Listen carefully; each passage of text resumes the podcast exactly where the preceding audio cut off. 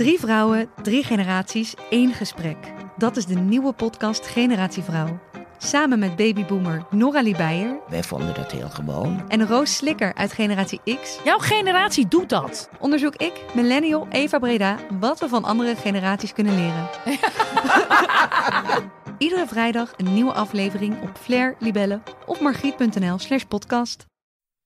Door laten we het houden op persoonlijke omstandigheden waren wij vorige week niet in de lucht. Nu zijn we weer terug, maar we zouden movie insiders niet zijn als er niet iets aan de hand is. Ik kijk naar mijn co-host Jasper hier tegenover me en ik zie een iets meer gezwollen kaak dan ik van je gewend ben. Man, wat is er aan de hand? Ja, dat klopt. Ik, eh, ik heb een, eh, een kaakontsteking. Eh, ik ben vanochtend naar de tandarts geweest en een antibiotica-kuur gekregen. Het eh, doet behoorlijk pijn. En eh, ik ben ook nu een beetje suffig door eh, de, de pijnstillers. Dus het wordt een, interessante uitzending. Maar wat doe je hier dan in godsnaam, Jasper? Je had ook kunnen zeggen, ga maar lekker met John wat doen. ja, dat had gekund. Eh, ik weet niet of John het nog gered had überhaupt. Maar ehm, ja, we hadden vorige week ook al overgeslagen. Dus ik wilde niet nog een week missen. En eh, ik vind het eh, twee hele interessante films die we gaan bespreken. Ik ben gewoon een professional. Ik, eh, ik ga gewoon door. Hallo aan alle luisteraars. Mijn naam is Lucas Dont en ik ben de scenarist en regisseur van Girl and Close. En jullie luisteren nu naar de podcast Movie Insiders. Veel luisterplezier.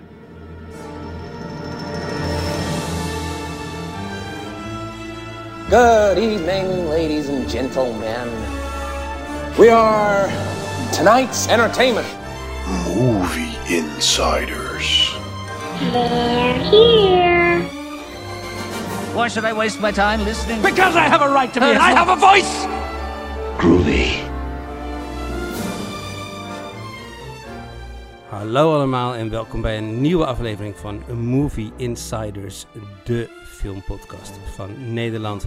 Mijn naam is Jasper. En mijn naam is Guido.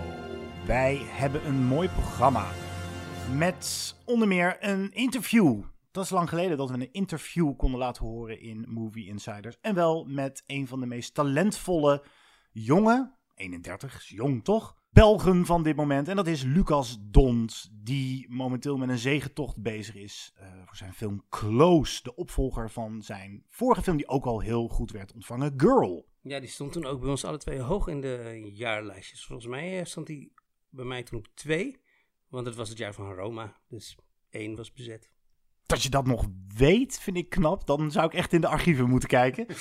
We blijven sowieso dicht bij huis in deze podcast. Want er zijn geen Amerikaanse films te bespreken. Nou, er komt wel een titel voorbij straks in het blokje ook nog gezien. Maar daar komen ook twee Nederlandse films langs. Heel kort zal ik ze even aanhalen. Stromboli, een verfilming eh, van het boek van Saskia Noord. En The Takeover, en dat is een Netflix-productie met onder meer Holly May Brood. Nou, we gaan naar België. Zoals ik al zei, een interview met Lucas Dont en een bespreking van zijn nieuwe film Close. En we doen een top 5 beste films uit België. Over Netflix gesproken. Eerst gaan we ook niet zo heel ver over de grens naar Duitsland. De Oscar-inzending van onze Oosterburen. Ga hier maar even voor zitten. Im Westen nichts Neues. Wieder mehr als 40.000 Tote allein in den letzten Wochen. Es ist vorbei.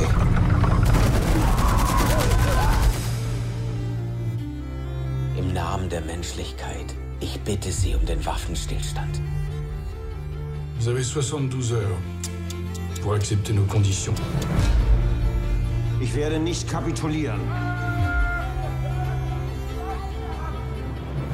Meine Mutter wollte nicht, dass ich in den Krieg ziehe. Ich wollte ihnen zeigen, dass ich das kann. Ach, Paul. Ja, um nach Hause kommen.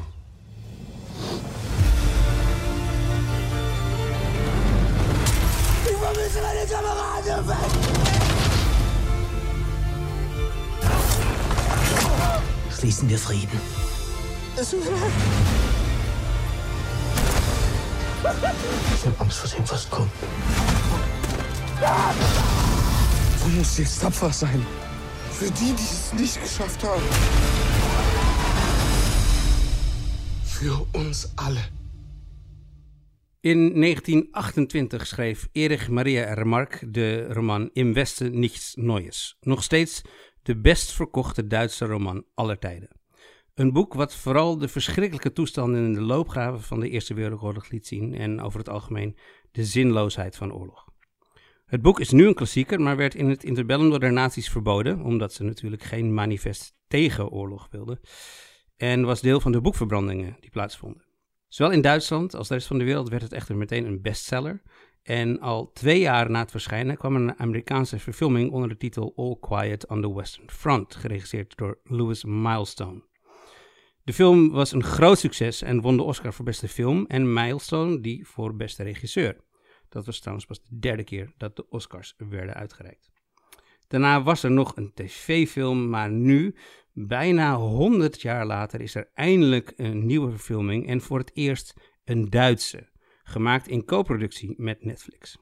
In In Neues volgen we de 17-jarige Paul, die samen met zijn klasgenoten zich in 1917 aanmeldt bij het leger van het Duitse keizerrijk om mee te vechten in de Grote Oorlog. Hij is vol vertrouwen binnen zes weken Parijs binnen te marcheren. De werkelijkheid blijkt uiteraard anders. De Amerikanen hebben zich inmiddels bij de geallieerden aangesloten en Duitsland is duidelijk aan het verliezen. We krijgen in de film dus de verschrikkelijke omstandigheden in de loopgraven mee, maar ook de veldslagen om slechts een paar honderd meter winst te maken die later weer verloren worden. Ondanks dat het dus bijna een eeuw geduurd heeft om deze filming van het klassieke anti-oorlogboek te maken, zijn we tegenwoordig wel gewend aan films die gaan over de zinloosheid en ellende van oorlog. Denk bijvoorbeeld recent aan een Saving Private Ryan of 1917 of John's favoriet Idi Ismotri. Guido, het boek was baanbrekend toen het uitkwam in 1928, maar heeft deze film nog iets nieuws te zeggen over de zinloosheid van oorlog?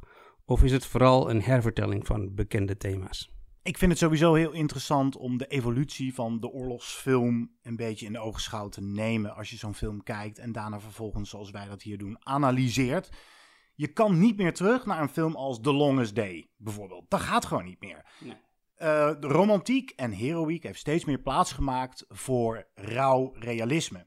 En dat daar nog steeds stappen in zijn te maken, bewijst, wat mij betreft, deze film. Je had eerst ook wel films die werden verteld vanuit het perspectief van de winnaar van de oorlog. En dan kreeg je altijd wel het gevoel mee, ja, wat hebben we eigenlijk gewonnen? Maar nu is het uh, nog meer een downer. Het wordt verteld vanuit de verliezers. En nog meer dan misschien wel ooit. Dat, daar moet je me mee helpen. Of er schiet me even geen andere titel te binnen. Voelde ik vooral de smerigheid en de zinloosheid van de Eerste Wereldoorlog in dit geval. Zonder ook maar een vleugje romantiek. Het, is ook lang geleden eigenlijk, Jasper, dat ik er af en toe gewoon bijna misselijk van werd. Ja, ik denk inderdaad dat het, het geweld in deze film wordt heel uh, tactisch ingezet. Uh, wat je zei, uh, er is geen heroïsme in deze film. Er zijn geen helden in deze film. Het geweld is echt zinloos. Ook als er bijvoorbeeld een, een Franse soldaat sneuvelt, is dat voor de Duitsers geen stap richting de overwinning. Het is gewoon een zinloze dood van een jonge man. Komt natuurlijk in dat wat je zei, het, is een, het, het wordt verteld door de verliezers dat geeft een, een ander beeld. Is natuurlijk ook niet helemaal nieuw. Letters van Iwo Jima komt bijvoorbeeld uh, naar boven van Clint Eastwood. Waar dat ook gebeurde. Maar deze film, ja, ik vind dat echt die zinloosheid mooi neerzetten. Hij maakt je echt mur. De claustrofobie van de loopgraven. Ik heb zowel het boek uh, uh, gelezen als de eerdere film gezien. de film uit 1930. Die moest het natuurlijk een stuk minder van de actie hebben. En daardoor moest het meer van het acteren hebben. En daardoor kreeg je ook veel meer mee van de psychologie van deze personen.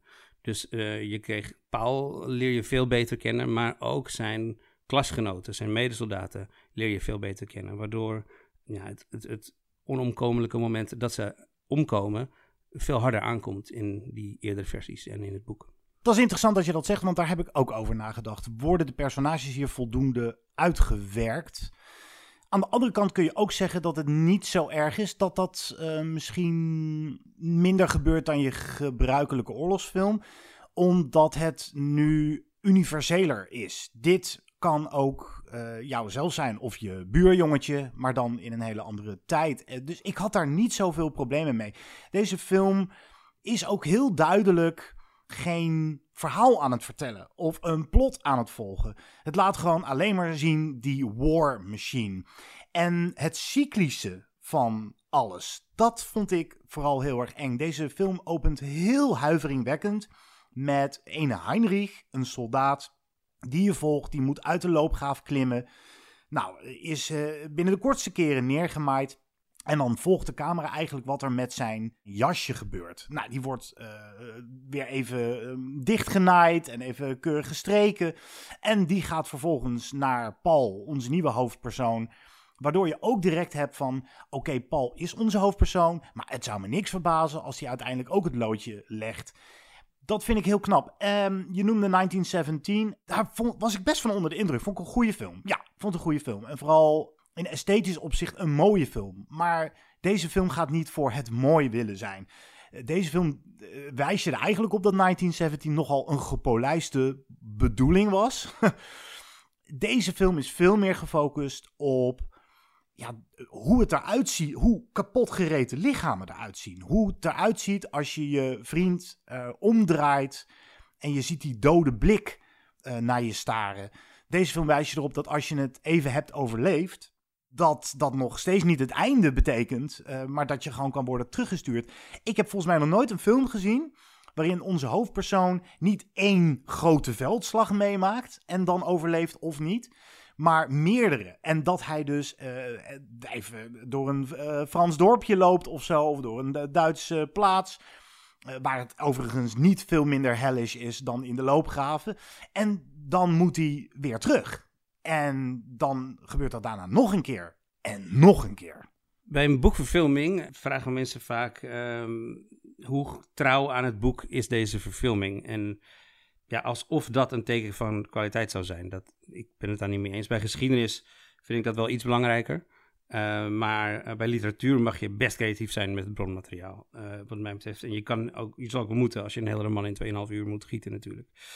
maar om die vraag terug te beantwoorden en ook terug te komen op wat jij net zei. De film is niet heel erg trouw aan het boek. maar het boek is dan ook niet erg filmisch. Eigenlijk het complete begin van de roman uh, bestaat niet in het boek. In, in de roman uh, zie je eerst hoe de jongeren door hun leraar worden opgezweept om zich allemaal aan te melden uh, voor het leger.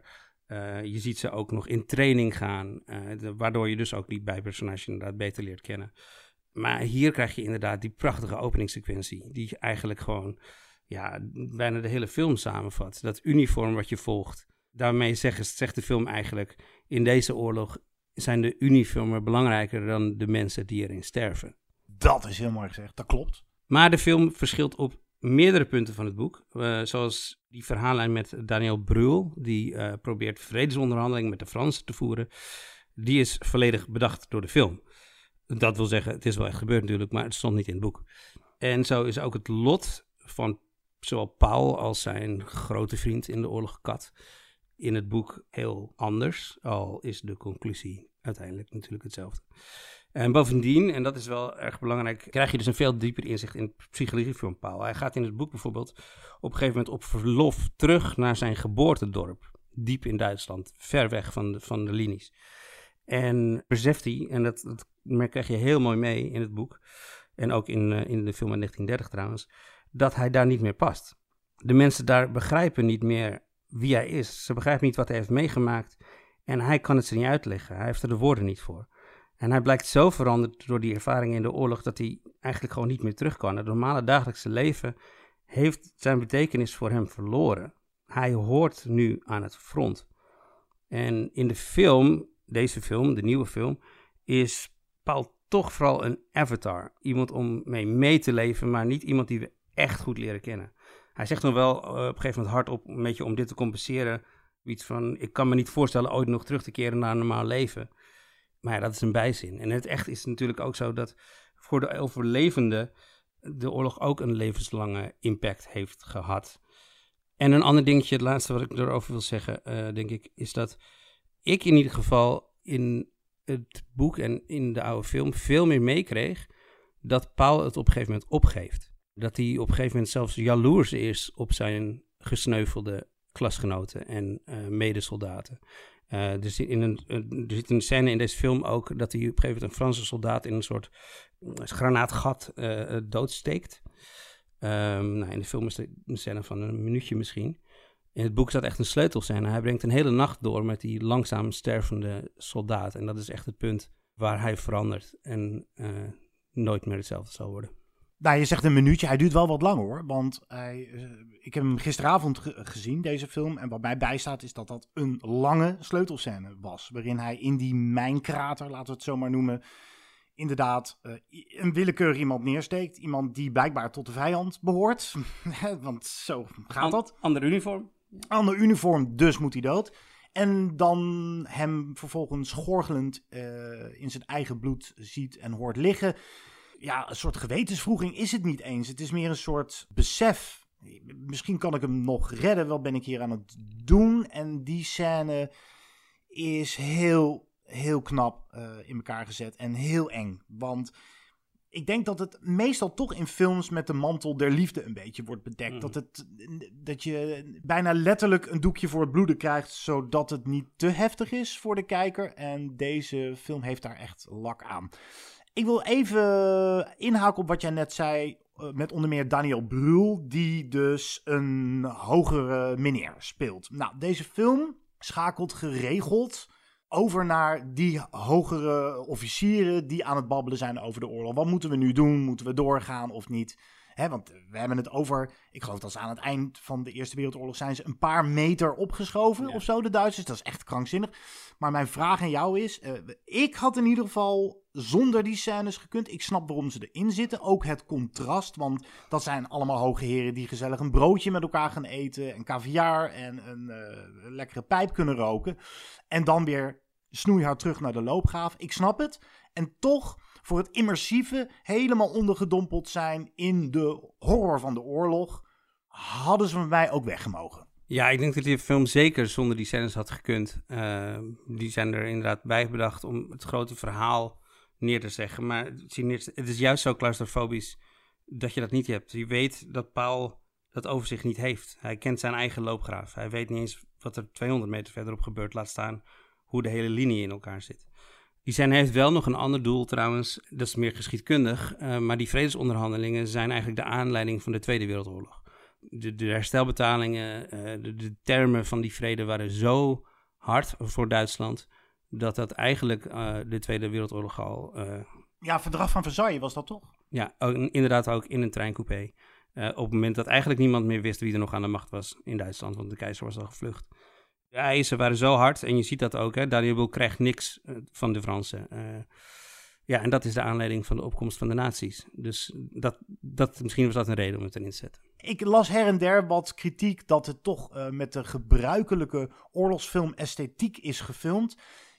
Ja, je zou ook kunnen zeggen... Er wordt gelukkig niet aan mooi filmerij gedaan. Dat is niet wat er op, op de agenda staat van Invest in Nichts Neues. Dus ga niet al te veel iets doen à la 1917 met een lange take. Of à la Terrence Malick um, het contrast laten zien met de schoonheid van de, natuur, van de natuur. Nou ja, van de natuur is al bijna niks meer over als we eenmaal aan deze film begonnen zijn. Uh, ja, ik vond het gewoon doeltreffend uh, gefilmd. Af en toe wel wat mooie wijdse shots. Maar dat eeuwige gebulder op de achtergrond. Ja, je bleef wel echt in die zinloze, benauwende fuik zitten. Ja, ik vind wel dat die, de, de cinematografie, de cameraman uh, James Friend, volgens mij is hij Engels, anders is hij vriend, maar volgens mij is hij een Engelsman. Die weet inderdaad die claustrofobie van de loodgraven en, en die chaos mooi te vervangen. Maar ja, ik vind wel dat hij ook oog heeft voor de schoonheid. Er zit bijvoorbeeld uh, een shots in hoe het zonlicht door de winterse bomen valt, bijvoorbeeld.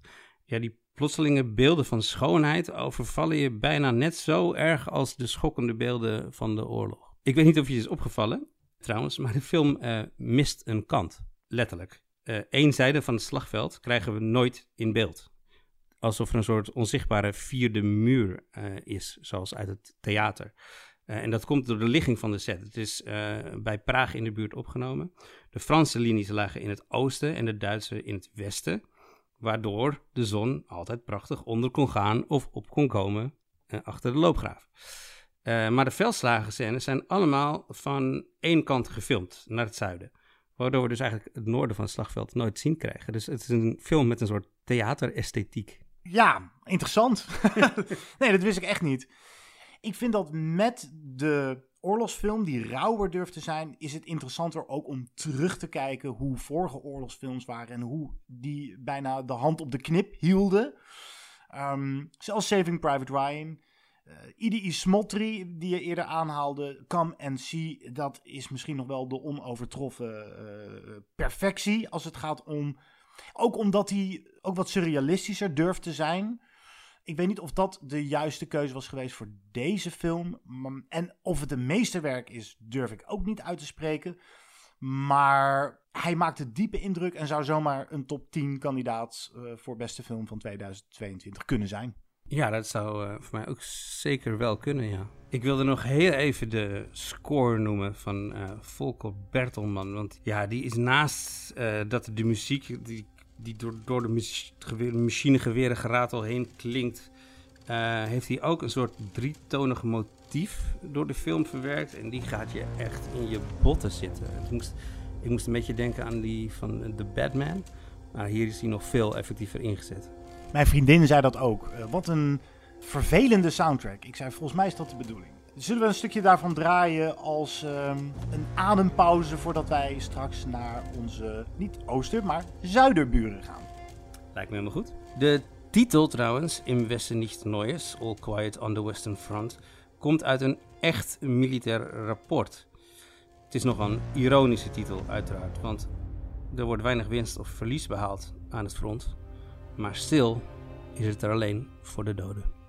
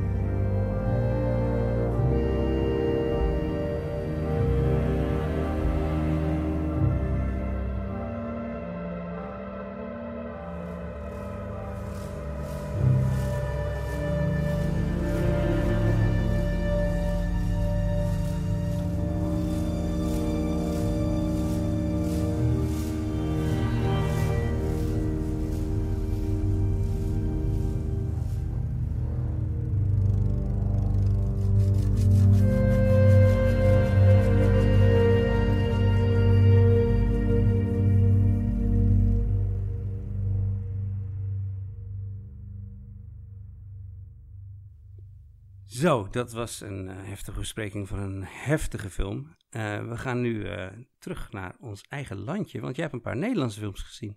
Ja, die worden ook nog gemaakt. En het zijn twee films die niet heel goed zijn. Helaas. Ja, wat ik heel erg jammer vind. laat ik beginnen met Stromboli. Gebaseerd op een boek van Saskia Noord. Dit is een, uh, een van de meest persoonlijke boeken van Saskia Noord. Het gaat over seksueel geweld. Um, personage Eva wordt hier gespeeld door Elise Schaap. En Elise Schaap is zich langzaam aan het ontpoppen tot een hele goede, serieuze actrice. Die een psychologisch drama uh, voortreffelijk aan kan. Ook hier, al begint het een beetje vreemd kolderiek, deze film. Ook op de soundtrack zo'n beetje zo'n irritant, koket filmmuziekje. Uh, zij komt daar Stromboli, het vulkaaneiland, uh, Italiaanse uh, eiland, onveilig maken met haar alcoholprobleem en haar innerlijke demonen. En op een gegeven moment komt zij terecht in een retraite met zo'n zelfhulpgoeroe. En dan komt er een trauma bovendrijven waar ze mee moet afrekenen. Waarom het pijn doet dat deze film niet goed is, heeft vooral te maken met het feit dat het scenario blijkbaar onder meer is van Paulo van der Oest, die toch beter kan dan dit. En de regie is van Michiel van Erp, die heel weinig missers achter zijn naam heeft staan. Hij heeft onder meer Niemand in de Stad uh, gemaakt, maar ook Ramses, die serie en IM, dat is ook goed. Hij heeft nog veel meer gemaakt, ook een hele hoop documentaires.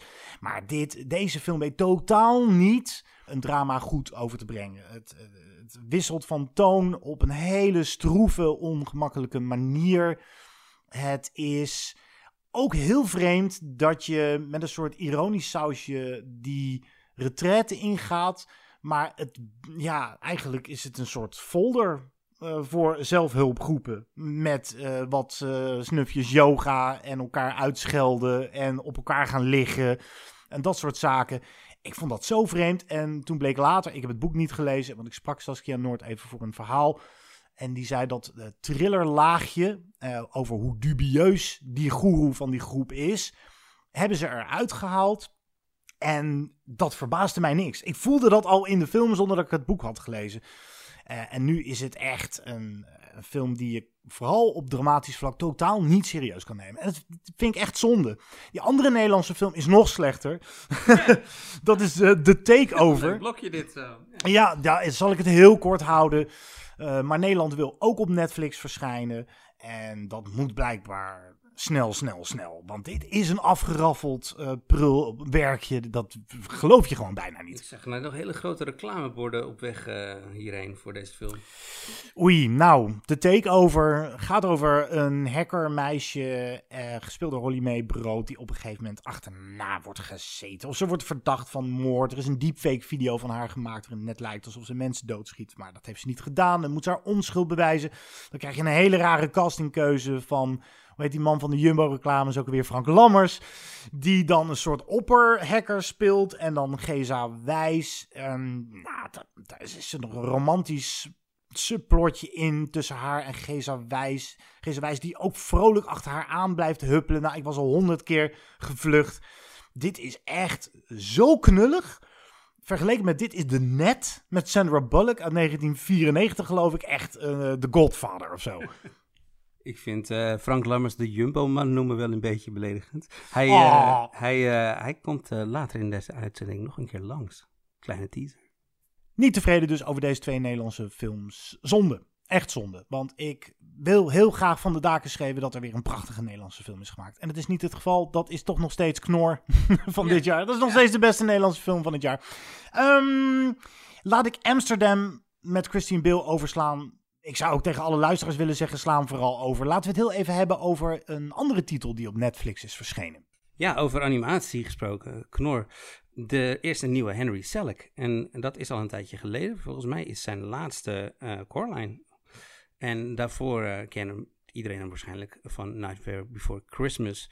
Waarvan trouwens de meeste mensen denken dat die van Tim Burton is. Die komt nu met een nieuwe film, Wendell and Wild. Het plot uitleggen is eigenlijk niet zo belangrijk. Het gaat om de sfeer die hij schept, komische momenten die hij schept. Kort samen te vatten, twee demonen hebben een uh, salfje uh, waarmee ze de doden tot leven kunnen wekken. En er is een meisje die haar ouders heel graag terugkrijgt. En zij kan die demonen oproepen. Leidt tot allerlei prachtig geanimeerde scènes. Ja, ik weet niet zo goed. Het, het heeft absoluut niet het niveau van Nightmare Before Christmas. En ook niet van Coraline, maar ik vond het toch wel een fijne kijkervaring. Ja, ik werd er wel vrolijk van. Dit is echt een animatiefilm. Eindelijk weer eens een animatiefilm die echt afwijkend durft te zijn.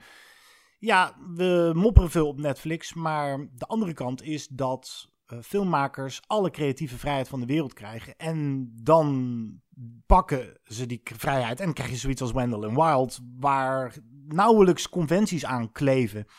Het is ook uh, qua verhaalstructuur misschien wel wat rommelig en het wil ook wat veel. Aan de andere kant vind ik het ook gewoon gaaf dat alle remmen losgaan. Het is weird, het is wacky, het is quirky, het is ook nog een beetje ontroerend.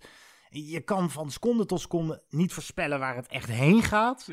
Uh, het heeft ook nog wel een andere look en feel dan Coraline en The Nightmare Before Christmas. Ook iets meer een digitaal gevoel helaas, want het ja. is verder stop motion. Ja, dat wilde ik vragen. Is het nou stop motion of is het digitaal?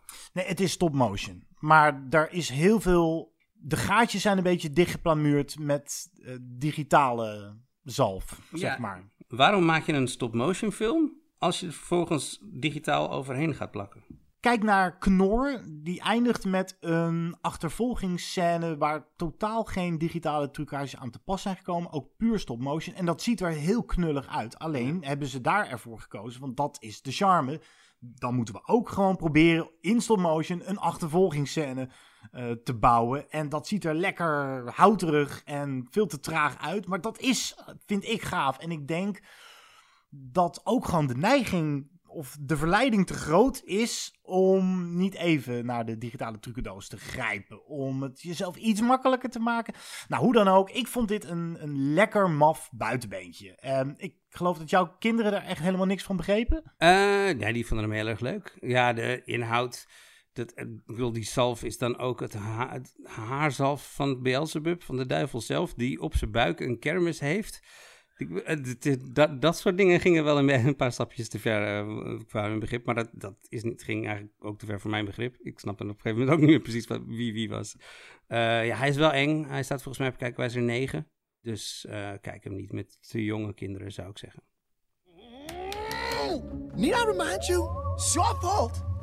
Belza put us in jail for treason. And if he goes bald, he'll skin us both alive. Both? I'm not worried, Wendell. You're the one shooting blanks. As your older brother, I demand you regurgitate that cream. Now, why would I do that? Wendell, fresh cream ain't gonna revivify a bad plug. Did you just admit you've been stealing the cream? Uh-huh. Why? Because it tickles my tummy. Ja, dan wil ik nog even iets korts aanraden. We zijn een filmpodcast, maar John heeft dat een klein beetje doorbroken door uh, de Rings of Power te, te bespreken. Had een linkje met een film. Er is nu een serie die ook een linkje heeft met een film, namelijk Endor. Uh, geschreven door Tony Gilroy. Uh, er zijn acht afleveringen van de twaalf inmiddels online op Disney+. En dit is echt een van de beste Star Wars content sinds de oude films. Echt, ik vond het, het is een prequel van Rogue One. En Rogue One was sowieso de beste film, vond ik in mijn mening, de, de beste nieuwe Star Wars film. En het werkt heel mooi. Er zit heel veel detail in. Er zit heel veel liefde in.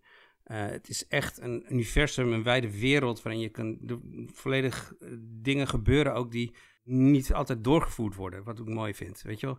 Uh, dingen, de, de uitdrukking Chekhov's gun, weet je wel. Als je in het begin van een acte een, een pistool laat zien, dan moet dat later afgevuurd worden. Ja, hier zijn ook gewoon dingen die gewoon gebeuren. En Tony Gilroy laat het ook mooi gebeuren. Uh, bij dit soort series, zeker bij streaming-series, is altijd wel de vraag: bij welke aflevering uh, wordt die echt goed? In antwoord uh, in dit geval is drie, aflevering drie. De eerste twee zijn wat trager. En Disney was daar denk ik ook heel bewust van, want die heeft de eerste drie in één keer online gezet. En daarna wekelijks.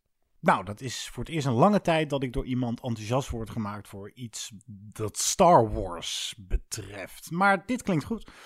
Oh man, ik heb nog zo. Ik ben wel dankzij jou aan The Bear begonnen. En die vind Ja. ik eh rete strak. Die is mooi. Ah, ja, dus dat is smullen. Dus ook namens mij, iedereen die nu luistert, eh, ook te zien op Disney Plus trouwens, The Bear, geweldige serie. Laten we toch weer in de wereld van de cinema gaan duiken. Hij won net niet de Gouden Palm. Ik was op het filmfestival van Cannes en daar gonste het van de geruchten. Het gaat naar België deze keer. De palm is voor België. Het kan niet meer misgaan. Nou, dat werd uiteindelijk Triangle of Sadness ehm, van Ruben Östlund. Daar gaan we het later nog over hebben of dat eh, een goede keuze was geweest eh, voor de Gouden Palm. Hij won wel de Grand Prix, een soort tweede prijs. Lucas Dont voor zijn film Close.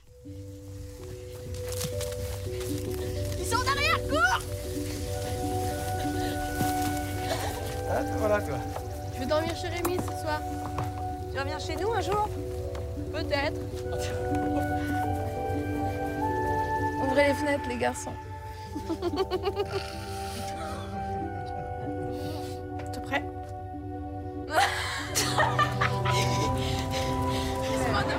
Hallo iedereen, uh, welkom in het eerste middelbaar. Est-ce que je peux poser une question? Est-ce que vous êtes ensemble Non, on n'est pas en couple. Je pense qu'ils sont meilleurs amis plus plus. Oui, on est plus plus, mais genre même quasiment frères, c'est pas... Bah, Peut-être que vous assumez pas. We gaan deze bespreking van Close een klein beetje kort houden, want we hebben straks een heel mooi interview met de regisseur van de film, Lucas Dont. Na dat interview zijn we nog terug en dan gaan we ja, een spoilerdeel doen. Er is wat te bespreken over het plot. Goed, in 2018 kwam schijnbaar uit het niets de Belgische Lucas Dont met zijn debuutfilm Girl. De film werd meteen opgenomen in de officiële selectie van het prestigieuze filmfestival van, van Cannes. Iets wat trouwens ter vergelijking een Nederlandse filmmaker sinds 1975 slechts één keer gelukt is. Maar Girl dus meteen. En Girl werd geprezen als film, maar kreeg wat later ook veel kritiek over zich heen.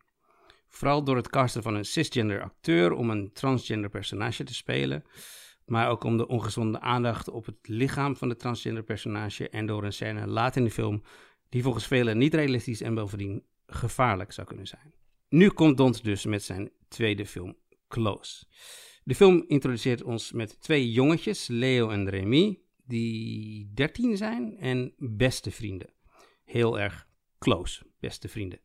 Ze doen alles samen. Ze vertrouwen elkaar volledig en kennen elkaar door en door. Ze brengen zelfs de meeste nachten samen door, overigens geheel platonisch. Als ze na de zomervakantie op een nieuwe school komen, merken hun klasgenoten hun hechte band op en vragen of ze een stel zijn. Hun vriendschap wordt ineens iets dat niet helemaal normaal is. En vooral Leo schikt hiervan en begint eerst langzaam, maar later steeds duidelijker afstand te nemen van zijn beste vriend. Voor Girl kreeg de Don dus zowel lof als kritiek. En het zou zomaar kunnen zijn dat dat voor deze film ook gaat gebeuren. Het filmische talent van Dont is overduidelijk. Maar het feit dat de onschuldige vriendschap tussen twee jongens wordt geproblematiseerd en gecatastrofeerd, niet bepaald op een subtiele manier, kan op weerstand stuiten. Guido, wat denk jij? Wordt dit weer een film die mensen zal verdelen of gaat Dont hier subtiel genoeg te werk? Ik denk dat hij hier subtiel genoeg te werk gaat. Je zou wel een discussie kunnen voeren, en dat is iets wat wij ook gaan doen. Of de tweede helft misschien eh, aan kwaliteit inboet. Want de eerste helft is misschien wel, of behoort tot een van de beste films die ik dit jaar gezien heb. Ik vind alleen al het gegeven van deze film zo interessant.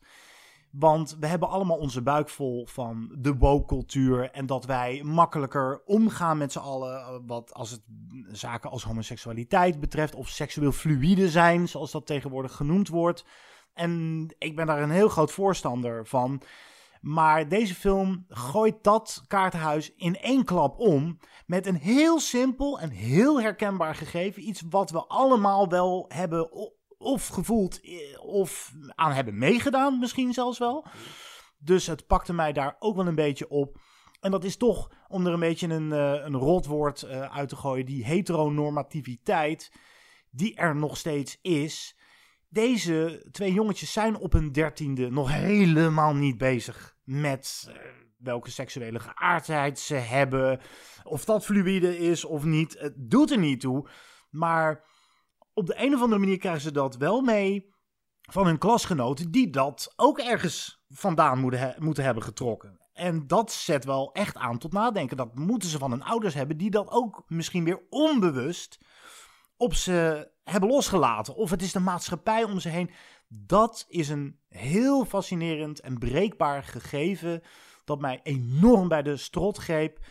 En dan komt die tweede helft waarin er andere zaken worden verkend. Maar ik vond, dit bleef hangen. Dit vond ik uh, heel aangrijpend. Aan, al aan de eerste vijf minuten voel je al, oh mijn god, de sluizen gaan straks open. De traansluizen wel te verstaan. Ja, helemaal mee eens. Dat eerste deel van de film, uh, ook al voor de, voor, voor de problematiek eigenlijk uh, opduikt, is uh, gewoon hoe die vriendschap in beeld wordt gebracht is zo mooi gedaan. Je, je, merkt meteen hoe, hoe, ja, hoe, hoe, hun onschuldige vriendschap hechter is dan we gewend zijn. Trouwens, alle twee uh, sterke rollen. Eden Dambrien en Gustav de Walen spelen de twee jongetjes. Wat me ook opviel trouwens, is dat je in, in de vroege scènes zie je ze door weilanden rennen en je ziet ze veel fietsen. en eigenlijk had ik in ieder geval meteen door welke van de twee jongetjes de hoofdpersoon was. En niet omdat hij meer tekst had of uh, de kamer, maar gewoon dat hij net iets meer focus kreeg of net iets meer in de voorgrond was. Uh, sowieso vertrouwt Dont heel erg op zijn beelden om het verhaal en de relatie neer te zetten. En dat werkt echt heel goed. Filmisch is hij echt een heel goed filmmaker. Hij heeft weinig woorden nodig om ons een heel duidelijk beeld te, te geven van die vriendschap en die afhankelijkheid. En hij, ja, hij laat ons gewoon beelden zien uit hun dagelijks leven. En die laten de karakters van die personages zien door hun gedrag en ja, niet door tekst. En zoveel komen we eigenlijk nou ook weer niet over ze te weten, over die individuele jongetjes, meer uh, over hun vriendschap. Maar je krijgt net genoeg hints dat je als kijker toch een beeld van hen gaat vormen. Maar van die vriendschap, daar krijgen we wel echt een duidelijk beeld van. En het komt dan ook hard aan dat die mooie vriendschap die ze hebben opeens als niet normaal wordt gezien door hun klasgenoten, door hun maatschappij dus. Niet alleen voor de jongens, maar ook voor mij en voor ons als kijkers. En zeker op die leeftijd is het einde van een vriendschap misschien nog wel heftiger dan het einde van een liefdesrelatie. En de afstand die Leon neemt en het eigenlijke einde van hun vriendschap is zo heftig voor Remy. Ook omdat hij gewoon de capaciteit nog niet heeft om zijn gevoelens in woorden om te zetten. Prachtig. Uh, jij hebt uh, Lucas Dont gesproken in Cannes? In AI Amsterdam. Wat een uh, innemende persoonlijkheid. Ook praat zo eloquent ook over zijn film. Je hoort aan elk woord dat hij uitspreekt hoe goed hij erover heeft nagedacht. Laten we naar Lucas Dont luisteren en dan keren we daarna terug voor een korte spoilerdiscussie over wat er nog meer gebeurt in Close. Allereerst gefeliciteerd met deze film. Dankjewel. Mooie prijs gepakt in Cannes. Ja. Geen, geen gouden palm, was toch even balen. Toch? Stiekem een beetje balen? um, maar, weet je, um, how to answer that question? Het ding is, eerst en vooral, tweede film maken is een ongelooflijke, bijzondere uitdaging, maar daarover later meer. Um, het feit dat je dan op, een, eh, op dat festival in die competitie tussen David Cronenberg, Kelly Richards en Claire Denis staat, is zeer bijzonder. Een zeer grote eer, uh, ook voor de film. Voelen dat die film na, de, na zijn première echt wel een serieuze, dikke, goede respons krijgt, is waanzinnig. Is, is, is, is alles wat je kunt hopen als filmmaker. We zaten natuurlijk ook op het einde van het festival. Ja. En dan horen van, van allerlei mensen rondom u dat ze de film echt ongelooflijk waarderen. En dan, die dag zelf, krijg je dan een telefoon dat je moet terugkeren. Ja, en dan verzinnen natuurlijk allerlei scenario's voor jezelf. Hè. Um, omdat je dan plots, weet je, je bent heel hard bezig met de film, met het publiek, met de respons en dat krijg je allemaal. Maar als je dan inderdaad ook effectief naar die ceremonie moet, ja, dan zijn je natuurlijk wel bezig met wat, waarover dat, dat daar gaat gaan. Mhm. En hoe dichter dat je dan effectief tegen die gouden pan komt, ja, hoe, hoe zotter dat dat dan ook wordt. Hè? En op een bepaald moment, als er nog maar twee overschieten, ja, dan, dan, uh, dan hoop je natuurlijk op nummer één.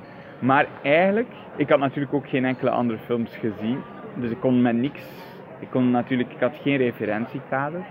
Maar eigenlijk, tegelijkertijd vanaf dat ik hoorde dat we die Grand Prix, Prix krijgen en ook dat we het podium mochten delen met Claire de Dien natuurlijk, which is kind of very nice, had ik zoiets van ja, dit is eigenlijk top.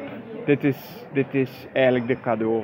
Omdat het, het is een waardering, het is uh, een duidelijke stempel voor de film. De zichtbaarheid zal ermee naar omhoog gaan.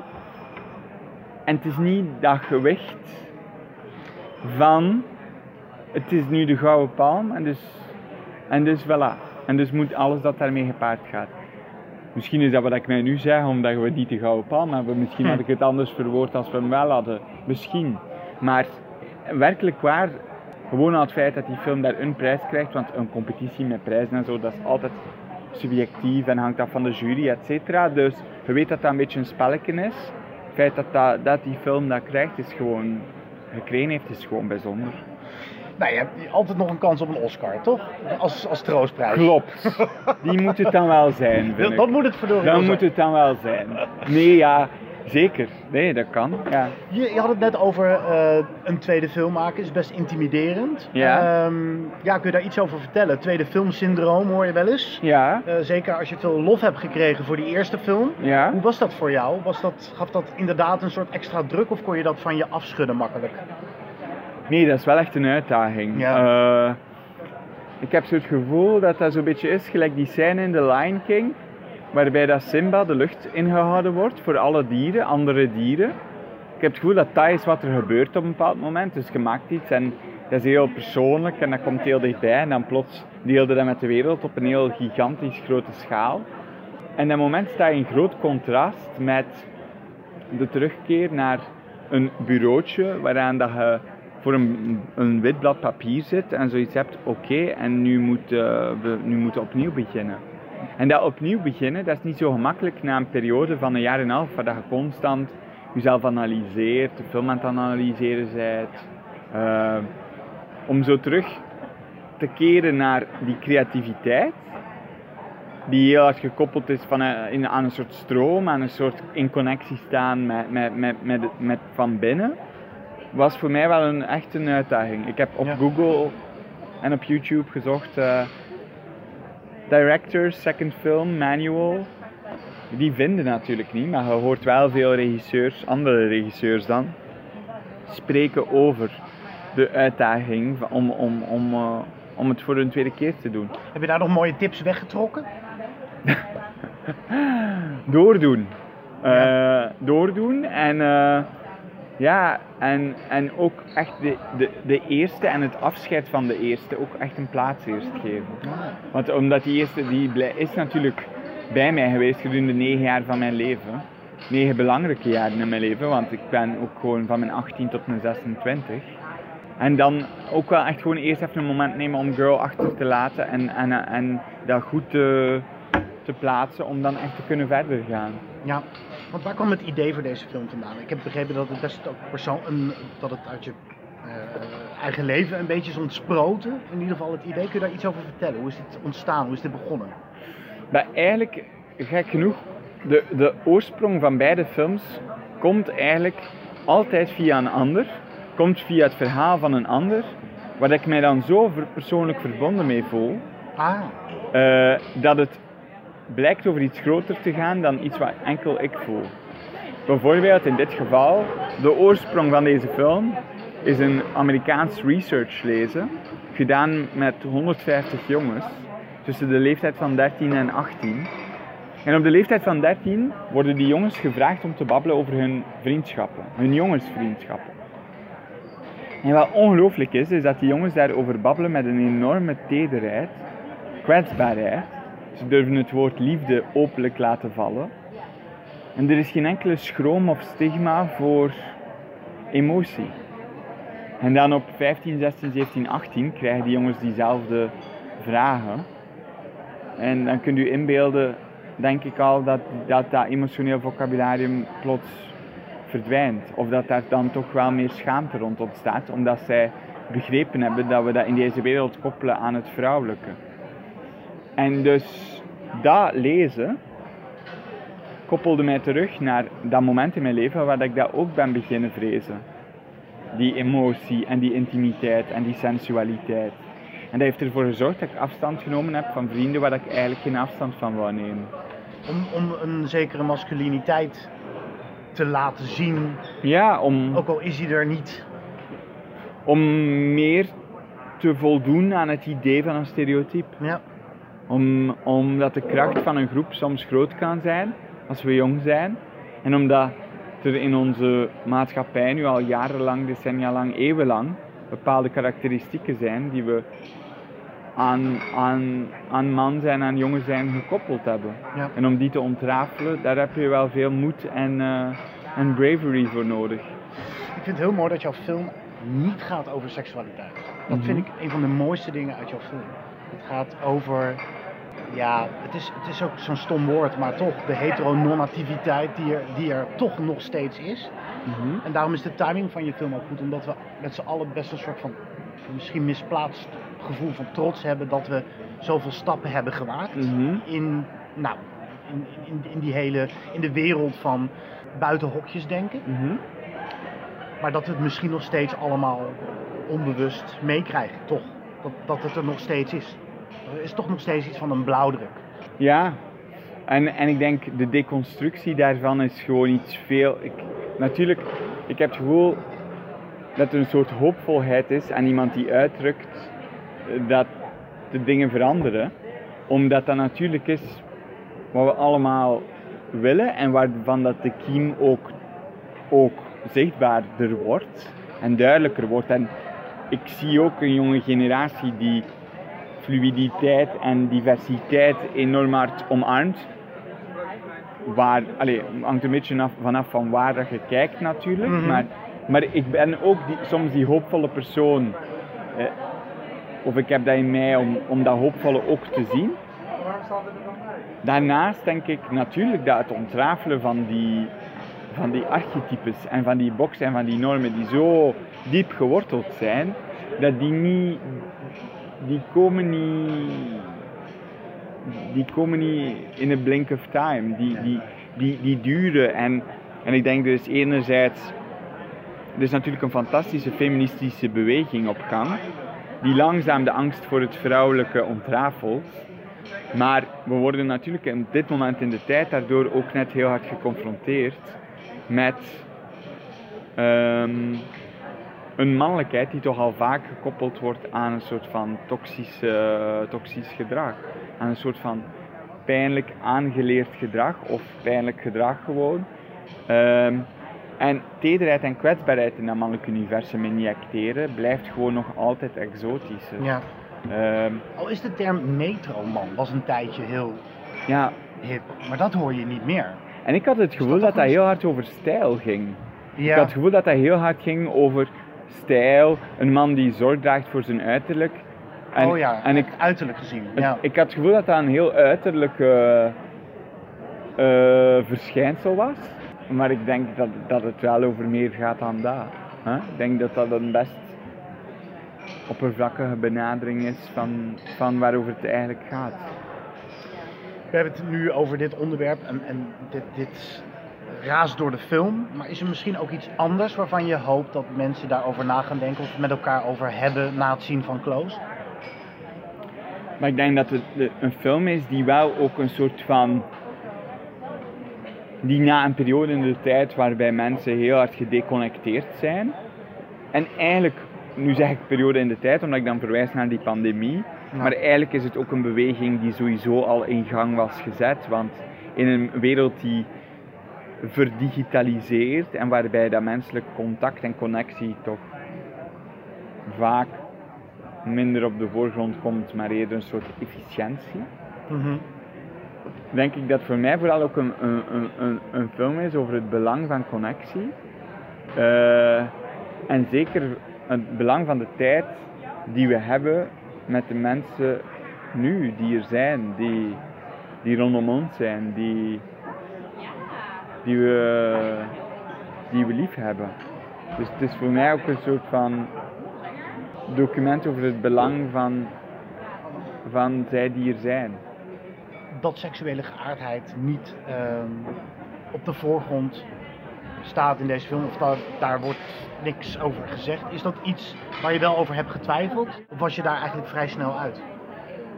Ik was daar vrij snel uit, eh, omdat voor mij, als ik bijvoorbeeld keek naar, naar eh, de geschiedenis van de cinema dan, even om, om daarmee in relatie te staan, en ik keek naar Les Quatre Cents Coups van Truffaut of L'Enfance Nue van Piala, Ratcatcher van Lynn Ramsey, Gamin au vélo van de allee, de, gro- de grotere films rond jonge jongens die opgroeien, dan merkte ik ook daar, naast natuurlijk in onze wereld, dat beelden van sensualiteit in de connecties die ze delen met andere jongens, dat die minder vertegenwoordigd waren. En dat die type beelden, dat als we die vinden, dat die altijd te vinden zijn in, fil- in films die dan uiteindelijk toch over de seksualiteit van de personages gaan. Ja, ja. En ik denk dat voor mij het belangrijk was eigenlijk van vroeg dat het voor mij eerder gaat over hoe we geconditioneerd zijn om naar die intimiteit tussen mannen te kijken. Dus eigenlijk door de lens van seksualiteit voortdurend, want we zijn gewoon heel eh numb voor de beelden van mannen die oorlogen uitvechten. En, maar we zijn veel eh, meer eh, het is veel exotischer voor ons om twee jongens in een bed te zien liggen bij Mhm. elkaar, want daar koppelen we dan direct een soort van seksuele vraag aan. Ehm, ik denk dat bewustzijn, dat de film voor mij daar meer over gaat, dan of de jongens effectief, dan wat de geaardheid van de jongens ook mogen zijn. Ja. Ik, ik denk, eigenlijk kan de geaardheid van de jongens mij weinig schelen. Eh, in de, van de personages, hè. Ehm, dus... Dus ze zijn er misschien zelf nog helemaal niet mee bezig. en, ik, en ze zijn er misschien zelf nog niet mee bezig, of, of nog voordat ze er zelfs mee bezig kunnen zijn, worden ze geconfronteerd al met de noodzaak om er be- bezig te zijn. Terwijl wat er daar bestaat, die liefde in de ruimste zin van het woord, ook gewoon heel puur en mooi kan zijn. Je zei dat je zelf het fenomeen kent dat je vrienden vaarwel hebt gezegd om je Ja. iets meer te schikken naar Ja. de masculine kant van de klas. Ja. Om het maar even zo te stellen. Ja. Hoe, hoe zag dat eruit en, en hoe, wat, heb je dat lang moeten volhouden of willen volhouden? Of is dat iets wat je op een gegeven moment verliest, die strijd, als je het zo mag noemen? Ik denk dat dat bij verschillende mensen ervan afhangt hoe sterk ze het panzer laten worden. Ehm, jammer genoeg was ik iemand die het panzer vrij sterk kon laten worden. Mm. Eh, die vrij, vrij hard eh, voor, voor die rol ging. Ehm, in, in een panzer komt er natuurlijk niks meer binnen. Wat waren daar de gevolgen van, van dat panzer? niet authentiek kunnen zijn met de mensen rondom Mhm. mij, niet kwetsbaar kunnen zijn, niet, niet, uiteindelijk ook niet meer kunnen communiceren wat er van binnen gebeurt. En ik denk dat dat iets heel herkenbaar is. Ik denk dat we allemaal natuurlijk, we worden dagelijks allemaal geconfronteerd met van alles. En soms is het moeilijk om die dingen kwetsbaar, om ons kwetsbaar open te stellen en die, en die met een tederheid en een intimiteit te delen met elkaar. Dat is niet alleen gekoppeld aan man zijn, maar dat van mij, mijn persoonlijke eh panzer was natuurlijk wel gekoppeld aan willen voldoen aan een soort van, eh, een soort van stereotype. Ja, want dat is het. Een, Ja. een soort van ongeschreven norm. Ja, Die, Ja. die geldt. Ja. En nog steeds geldt. ja. Je hebt heel duidelijk een bepaalde twee of drie acten structuur. Het is eigenlijk een beetje hoe je het bekijkt. Ja, En daarvoor moeten we om spoilers heen dansen. Ik vind overigens, valt mij op dat alle recensenten zich daar heel keurig aan houden. ja. Dat is, dat best is mooi. veel, best veel, Ja, ja. dat is ik, mooi. ik ben daar heel hard, ik ben er heel blij om, en heel dankbaar om. Ja. Zou je zonder een spoiler te kunnen geven willen vertellen wat, wat precies jouw doel is met die tweede acte na de busscène? Om het Ja. maar zo te noemen. Ja, Want dat dat is daar, daar worstel ik zelf ook nog steeds een beetje mee. Wat je, wat je daar doet. Het is natuurlijk de schuldvraag. Ja, Komt daar omhoog. Ja, Borrelen. ja, klopt. Ehm, Wat verken je daar? Wat wil, wat wil je daar verkennen? ik denk in het begin, dus elke film heeft een dramaturgie. En die dramaturgie die wordt langzaam duidelijk doorheen natuurlijk schrijven en verzamelen van beelden, concepten, thema's. Bijvoorbeeld de dramaturgie van Girl was voor mij een spiraal. En, en die spiraal die ging, die werd sneller maar kleiner. En dus dat bewoog zich altijd maar dieper en dieper en dieper naar beneden. Hm. Hier is de dramaturgie heel duidelijk iets wat bestaat uit twee delen. En er is een duidelijk breekpunt tussen de twee. Er is een soort, er is alsof de film afloopt, eh, transformeert en vanuit het donker opnieuw begint. Ehm, en ik had twee- er waren twee woorden die centraal tegenover elkaar stonden: fragiliteit, die het begin en het eerste deel kenmerkt, en brutaliteit. En ik wist dat de brutaliteit langzaam de fragiliteit zou verkleuren. Dat de kleur langzaam van de velden zou gekapt worden en plaatsmaken voor iets wat donkerder, bruiner, meer aardetint is. Dat is heel hard gekoppeld aan de thema's van de film natuurlijk. Maar daarnaast was er ook effectief een soort verlangen om een gevoel van verantwoordelijkheid uitgedrukt te zien in het universum van een jong iemand. E- A, omdat ik vind, omdat we dat type beeld nooit te zien krijgen. Iemand die verantwoordelijkheid uitdrukt. Dat is iets wat meeste mensen van binnen houden, inslikken. En dat is een, een soort gewicht wat het lichaam overneemt. Maar dat sommige mensen ook nooit een uitdrukking voor vinden. En het is natuurlijk ook een gevoel dat je, als eerste, dat voor de eerste keer als kind beleeft. als kind beleefde voor de eerste keer het gevoel, mijn acties hebben stuwen, st- geven stuwingen in de wereld die die wereld impacteert. Ja. En dat gevoel is zo sterk als kind, maar er wordt zo weinig over gesproken, dat je dat opslaat, opslaat in het lichaam en het wordt een partituur die, die in het lichaam geschreven staat. En ik denk dat daar een soort uitdrukking voor ge- aangeven, in, vanuit dat perspectief, en dus ook die breuk tussen kindertijd en, en puberteit, het verlies van onschuld, Ja. daar is, dat is waar, waar dat tweede deel over gaat. Ehm, voor mij. En ook dat langzaam in het tweede deel over of die tederheid en die fysicaliteit al dan niet kan terugkomen. Hmm, ja. Je haalt wederom waanzinnige acteerprestaties uit je cast. Mhm. Deze twee jongetjes, ah, het is... eh, hoe, hoe heb je dat aangepakt? Ons castingproces is zeer eh, uitvoerig. Wij zijn naar alle scholen geweest, alle theaterklassen, alle, alle, alle mogelijkheden om jonge jongens te vinden. En dan heel toevallig kom ik Ede tegen op een trein. Dus Oh ja? eh, dat is best een bijzonder verhaal. Ik zit op een trein van Antwerpen naar Gent naar muziek te luisteren en ik zie de jonge Ede naast mij werkelijk waar zitten en zich volop aan het uitdrukken tegen zijn vriendinnen. En ik heb zoiets, what the hell, dit is gewoon ongelooflijk. Ik ga zo spijt krijgen als ik niet tegen deze jongens spreek. Dus ik heb hem gevraagd of hij casting wou doen voor cinema en dat wou hij ook. Wauw, wat een verhaal zeg. En dat dan- is Leo, toch? Dat is Leo, ja. duidelijkheid, En dan zijn al die andere jongens en hij ook op audities gekomen. En we werken gedurende een volle dag, werken we met kleine groepen van 20. En dan geven we die verschillende oefeningen, kijken we heel hard hoe ze in groep zijn. Eh, zorgen we ook dat ze langzaam kunnen groeien, om dingen voor te stellen, om zich comfortabel te voelen. En, ehm, en dan, één keer dat we de jongens gekozen hebben, lezen zij het script. Dan babbelen we heel hard over de thema's. Voel je meteen natuurlijk ook dat vriendschap staat in het, in het centrum van die jongens hun leven. Ze, zijn, ze hebben ook al vriendschappen meegemaakt die veranderd zijn. Het zijn ook twee jonge mannen die opgroeien, dus mannelijkheid, daar hoef ik hen niks over te vertellen, of over die, die, die pressures. Ehm, dus ik denk, dan spenderen wij gewoon heel veel tijd samen, waarin we best en wij eigenlijk alleen maar dagdagelijkse dingen doen. Pannenkoeken maken, spaghetti eten, eh, aan de zee gaan wandelen.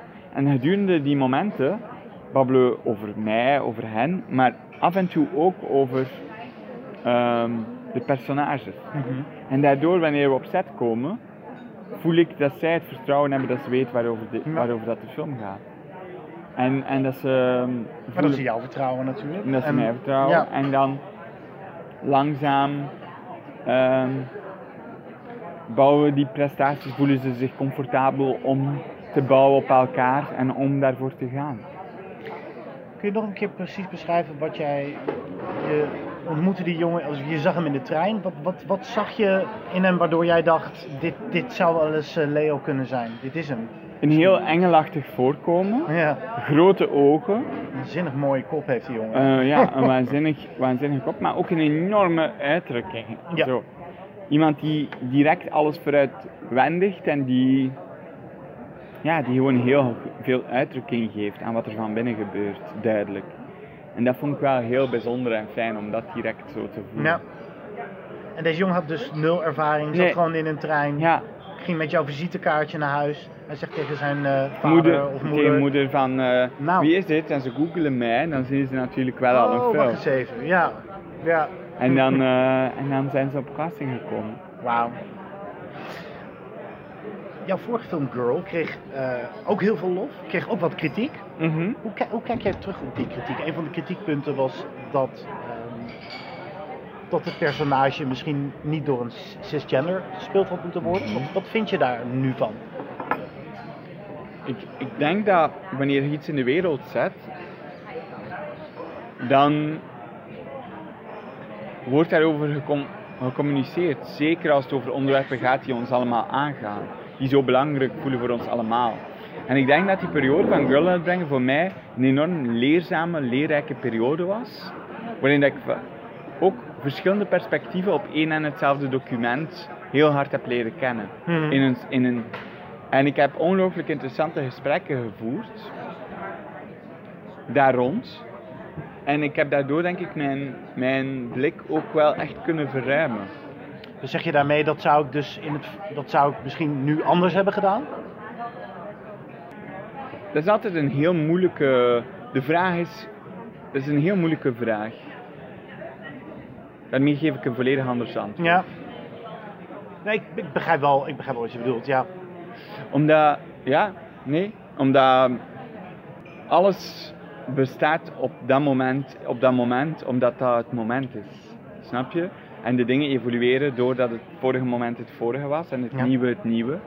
En ik denk dat, denk dat gewoon het heel duidelijk is dat we gewoon meer nood hebben aan effectieve transrepresentatie met transstemmen, van transstemmen, door transstemmen. En dat de transervaring ook een zeer uitgebreide ervaring is met heel veel verschillende kanten en heel veel ja, verschillende ervaringen. En natuurlijk, wanneer er dan een document komt, na, na heel lang ook minder, minder representatie te krijgen dan bijvoorbeeld de, dan een andere groep, dan wil je gewoon heel graag dat die representatie wel ook, dat je jezelf daarin gezien voelt. En als dat niet zo is, dan snap ik hoe kwetsbaar dat, dat is. Helder, helder. Volgens mij moeten we afronden. Ik, ik heb eigenlijk nog twee vraagjes. Ehm, gaan nu alle deuren voor jou open? Met alle lof kan jij doen wat je wil? En, en wil, wil je, eh, heb je al mooie aanbiedingen gekregen waarvan je denkt, nou die moet ik serieus overwegen? Of is het allemaal niet zo eh, als men denkt dat het gaat? Ja, ik krijg wel echt, ik krijg wel echt fijne aanbiedingen en fijne mogelijkheden. En, Ook voor Hollywood bijvoorbeeld? ja, Ja. ja ook voor, voor- Maar ik denk, ik, ik denk dat we zijn nu iets begonnen. En wat we zijn is voor mij eindelijk spreken over bepaalde dingen waar ik wel lange tijd niet over kon spreken. Dus de camera richten voor mij op iets wat heel belangrijk voelt. En ook binnen een omgeving waarbinnen, ik, mijn broer is nu mijn producent, Hm. waarbij dat ik op een zeer veilige manier onzeker kan zijn. Vragen kan stellen, kan onderzoeken. En dus dat is zo waardevol voor mij. En dat is zo'n privilege ook. Dat gooi je niet zomaar dat ik weg. dat, dat niet zomaar weggooit. Dus ik vraag me af wat er zou nodig zijn voor mij om, dat, om, dat, om voor iets anders te kiezen. Enorme zak geld. I, I've never done this for the money. But, Dat geloof ik ook. Als ik jou zo hoor, geloof ik dat. Ik vond het een fijn gesprek. Dankjewel, Lucas. Ik ook. Tot snel. Vanuit eh AI Amsterdam weer terug in de studio in eh, Rotterdam. Daar zijn wij vandaag. We gaan nu eventjes eh, de film verder bespreken met spoilers. Dus mocht je de film nog niet gezien hebben, ga dat dan zeker doen, want het is een erg mooie film. Goed, spoilers dus. Wees gewaarschuwd. Aan het eind van de eerste acte, na het uit elkaar vallen van de vriendschap, pleegt Remy zelfmoord. En daarna wordt het eigenlijk een hele andere film. Een film die gaat over zelfmoord, over verlies en rouw. Ik zei net al dat ik het sterkste gedeelte van de film vond hoe de vriendschap van de jongens op de proef wordt gesteld en hoe ze met die situatie omgaan. En wat mij betreft had de film daarover mogen blijven gaan. Eh, hoe ontwikkelt die vriendschap zich? Drijven ze uit elkaar om later weer elkaar terug te vinden? Wat zijn de emotionele consequenties van het niet als normaal gezien worden? Eh, kunnen ze wel zonder elkaar? Kan die vriendschap de druk van buitenaf overleven? Maar helaas blijkt Lucas Dont daar niet in geïnteresseerd. Maar hij besluit deze heftige wending te nemen en ik vind dat jammer. Maar vind je het ook jammer dat werd besloten om Remy te laten sterven in deze film? Ik weet niet of ik daar zozeer moeite mee had. Het komt heel hard aan. Overigens eh, wordt dat naar ons kijkers gecommuniceerd in een van de meest eh, geniale eh, scènes die Lucas Don tot nu toe in zijn carrière geschoten heeft. In die schoolbus. De manier van cameravoering en daar hangt ineens wat in de lucht. En ineens voel je het in je onderbuik van, oh jee, er is iets ergs aan de hand met Remy. Vond ik zo knap gedaan, dat ik er weer koude rillingen van krijg als ik er alleen al aan denk. Ja, ik, vind het ook, vond het echt prachtig gedaan. Om het even uit te leggen, we zijn toch aan het spoilen. Eh, de jongens eh, zijn op een schoolreisje eh, geweest waar Remy niet aanwezig was. Ze komen terug met de bus en dan staan onverwachts al hun ouders hun op te wachten. Eh, terwijl ze eigenlijk gewoon terug naar school zouden gaan. En dan, ja, dan weet je het eigenlijk al. Dan, dat voelt echt als stomp in je maag. Die scène komt keihard aan. En het is bijna jammer eh, dat die scène dan nog verder wordt uitgespeeld. En dat het uiteindelijk echt wordt uitgesproken en uitgelegd door Lea's moeder, die het nieuws aan haar zoon eh, moet vertellen. Waar het niet dat dat dan weer een van de beste acteerprestaties van het jaar oplevert door die moeder, gespeeld door Lea Drucker. Wat een acteerprestatie was dat. Maar ik vind het ook jammer dat we niet in die tweede helft, dus na die schokkende wending, meer op dat thema doorgaan. Ik weet ook niet zozeer of, eh, of en hoe je daar dan op door zou moeten gaan. Maar het is te interessant om daar nog iets anders achteraan te plakken. Het is too much. Ook dat is het. Misschien zou je de tweede helft van de film een tweede keer los moeten zien. En ontdek je daar een hele mooie film over onder meer verantwoordelijkheid nemen voor het eerst in je leven. Als 13-jarige jochie. Ik vroeg het natuurlijk ook aan Lucas Dont. Wat wil je niet nou precies met die tweede helft? En hij zegt, nou de eerste helft staat voor fragiliteit en de tweede voor brutaliteit. En hoe brutaliteit die fragiliteit verkleurt. En of fragiliteit ooit nog kan terugkomen. Dat laatste vind ik heel erg interessant. Maar dat is een aparte film waard, denk ik dan. En niet een minifilm waarin je eigenlijk nog in je hoofd met zoveel andere zaken bezig bent. En niet dat het slecht gedaan is, want het blijft subtiel, vond ik. Hoe die moeder van Remy, gespeeld door Emily de Ken, heel subtiel omgaat en ook zich... Ze beseft zich zo goed hoe moeilijk het ook is voor Leo, maar het is haar zoon. En ze zoeken toch soort van toenadering tot elkaar, maar hoe moeizaam dat is, dat vond ik weer prachtig gespeeld.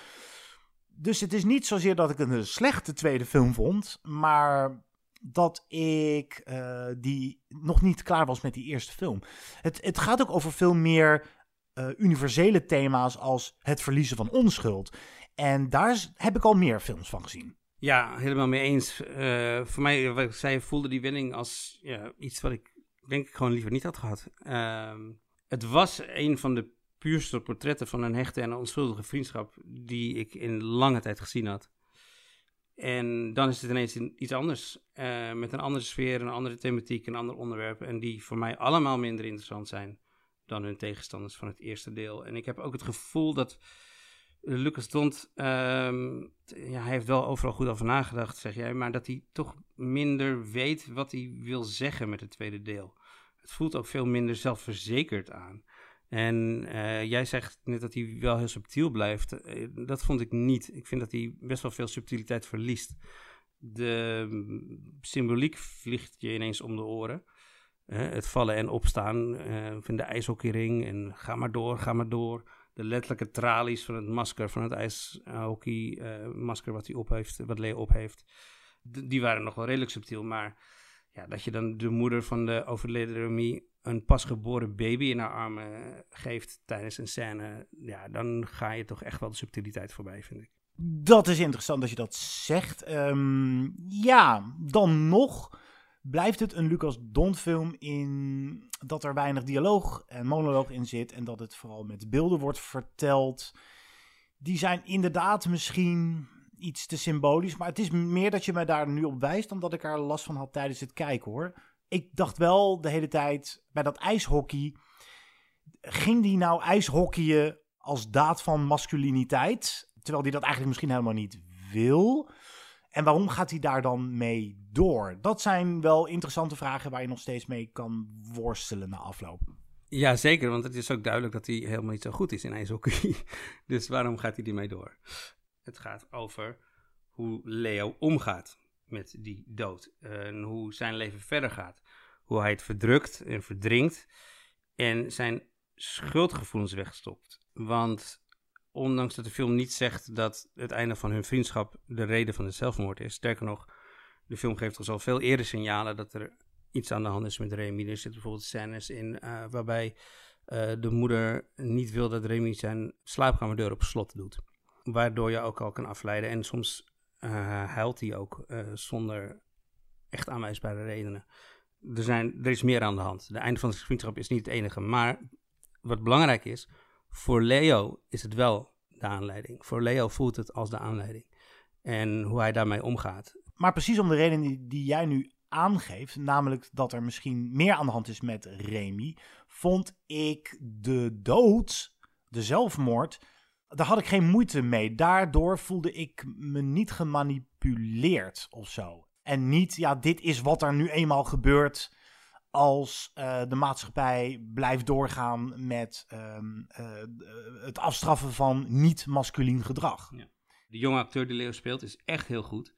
Toch lukt het hem wat mij betreft niet om ons echt duidelijk te maken wat Leo denkt en voelt. En dat kan heel goed aan de regie en het scenario liggen en zeker niet aan de acteur trouwens. Uh, Leo is te bang en voelt zich te schuldig om te praten over zijn gevoelens.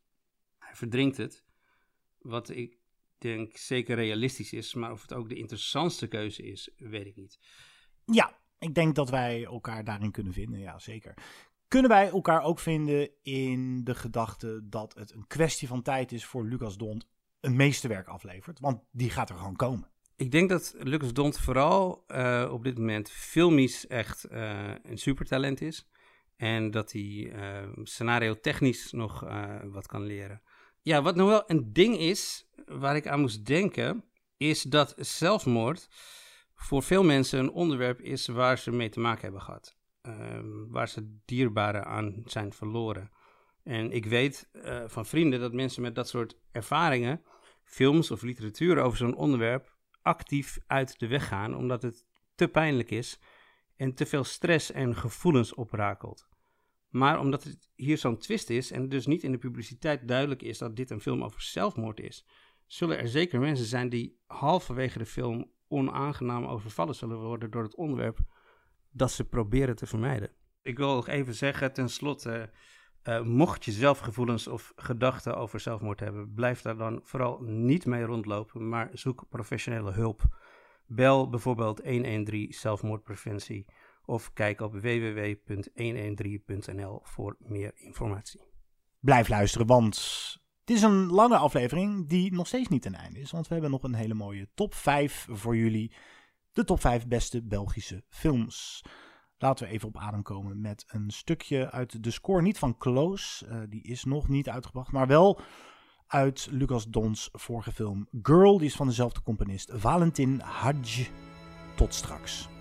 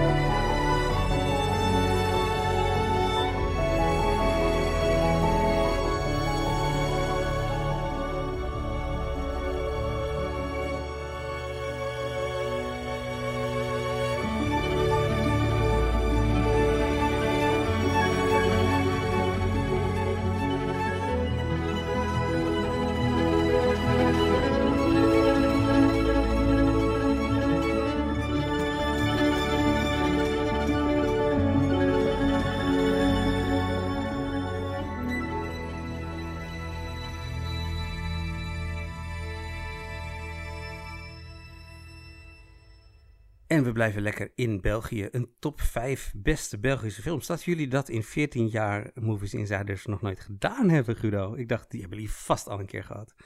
Nou ja, mijn eisen waren gewoon dat het een Belgische film was. Een echte Belgische film. Dus uh, niet een, een co-productie met 10 landen waar een klein beetje Belgisch geld in zit of zo.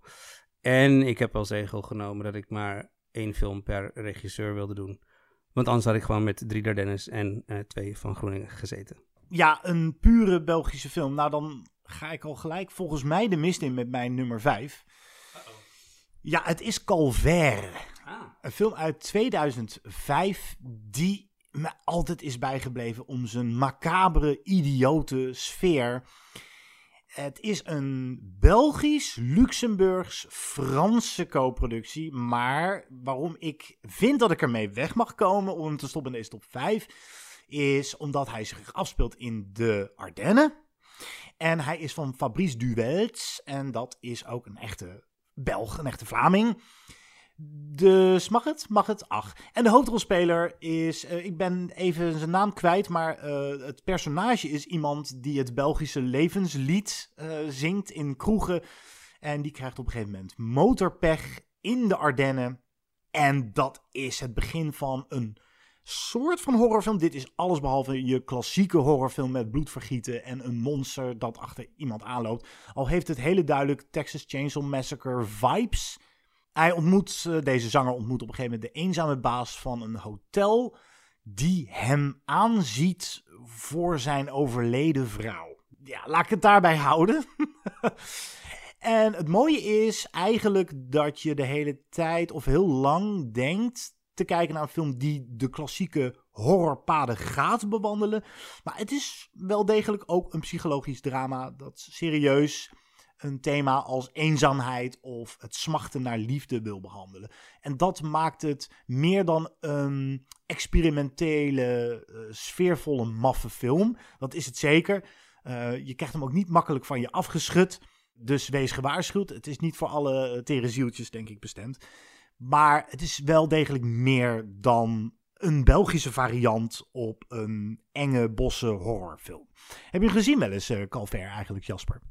Nee, ik heb hem nog niet gezien en uh, ik ga het zeker wel doen. Ik heb deze keer ook de luisteraars weer gevraagd uh, om, uh, om hun input voor deze top 5.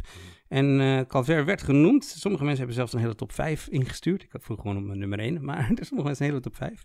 En luisteraar Spawn, met een heleboel negens, die heeft hem op nummer 4 staan. En die noemt het de Belgische variant van Deliverance. zeer naar en bizar, met een Urbanus lookalike als bad guy. De, nou, die beschrijft dat veel beter dan ik. En Deliverance, dat is een goeie, daar was ik nog niet opgekomen, maar die vibe heeft het ook zeker. Goed, voor mij nummer 5. Ja, nogal een uh, controversiële film. Ex-Drummer uit 2007 van Koen Mortier. Ik heb lang getwijfeld of ik hem in de lijst zou zetten. Maar hij werd heel vaak genoemd door de luisteraars op Instagram. Dus uh, die hebben hem uh, over de streep getrokken. Onder andere luisteraar de Movie Vreter had deze op nummer 1 staan. Uh, dus laat ik de inleiding graag aan hem of haar of hen over. Ex-drummer heeft een bijna Hollandse hardheid voor een Vlaamse film. Als Nederlander die een groot deel van zijn leven in België heeft geleefd, herken ik de achteraf DJ-bars, de heerlijke smakeloze interieurs en de zelfspot, die anders is dan bij de bovenburen. De film werd finaal door in de hokjes denkende mensen afgekraakt, maar niet door de zaal op het Filmfestival van Rotterdam. Wat een orgasme aan onzin. I love it. En onze collega filmjournalist Theodor Steen voegt daar nog aan toe. Ex-drummer is comedy zoals alleen de Belgen dat kunnen. Ongemakkelijk, maar hilarisch. En Spawn, die ik net al even noemde bij uh, jou, Calver, die had hem ook op één staan. En hij noemt het zelf een geweldige film en soundtrack. Misschien wel beter dan Trainspotting. Nou, dat laatste, uh, daar wacht ik me niet aan. Maar het is uh, duidelijk wel dat er veel liefde is voor deze film bij de luisteraars. het film naar een boek van Herman Brusselmans. De film doet erg zijn best om provocatief te zijn, zo provocatief mogelijk. En dat is hij ook zeker, al werkt het niet altijd even goed. Soms is de provocatie eerder belediging en soms ronduit plat. Maar er zitten ook veel rake dingen in, veel humor en heel veel originele ideeën. De film gaat over een succesvol schrijver die gevraagd wordt mee te doen met een band bestaande uit mensen die allemaal een soort handicap hebben. En de reden dat hij toezegt is naar eigen zeggen, en ik citeer, om me aan te sluiten bij het leven van losers, om af te dalen in hun domheid en hun lelijkheid.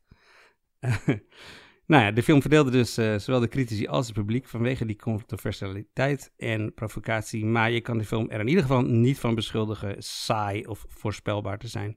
En Mortier heeft genoeg zelfspot en absurdistische humor dat zowel hij als wij het allemaal niet zo serieus hoeven te nemen. En dan als laatste natuurlijk nog die prachtige openingssequentie, of eigenlijk de titelsequentie, Dat is er eentje die je niet snel zal vergeten. Helemaal achteruit afgespeeld. En met de namen van de cast en de crew die op prachtige manier voorbij komen op posters, magazines, graffiti. Prachtig. Ik word wel enthousiast om hem weer eens een tweede keer te gaan kijken. Want ik was een van die figuren die hem een beetje plat vond en vervelend. Maar het is bijzondere cinema, zeker. Dus eh, leuk om deze titel te horen en hem weer een beetje op de radar te hebben of zo. Ik ga voor mijn nummer 4 uh, naar de gebroeders Dardenne. Uh, ze komen vast misschien nog een keer om de hoek kijken. Hier kan je niet helemaal onderuit natuurlijk. De gebroeders Dardenne zijn heel erg goed in het maken van films die bijna in de buurt komen van het Italiaanse neorealisme uit de jaren 30. Waarin nauwelijks echt een plot zit, uh, waarin je echt een slice of life ziet dat echt zo dicht bij de werkelijkheid uh, zit dat je bijna niet wil geloven dat het slechts een film is. Uh, ze doen ook heel lang over hun casting, vaak niet professionele acteurs, of, het, of ze groeien uit tot professionele acteurs. Dat is onder meer gebeurd met haar naam, viel eerder al in deze podcast, Emily Deken. Die uh, is nu te bewonderen in Close en die brak door in Rosetta.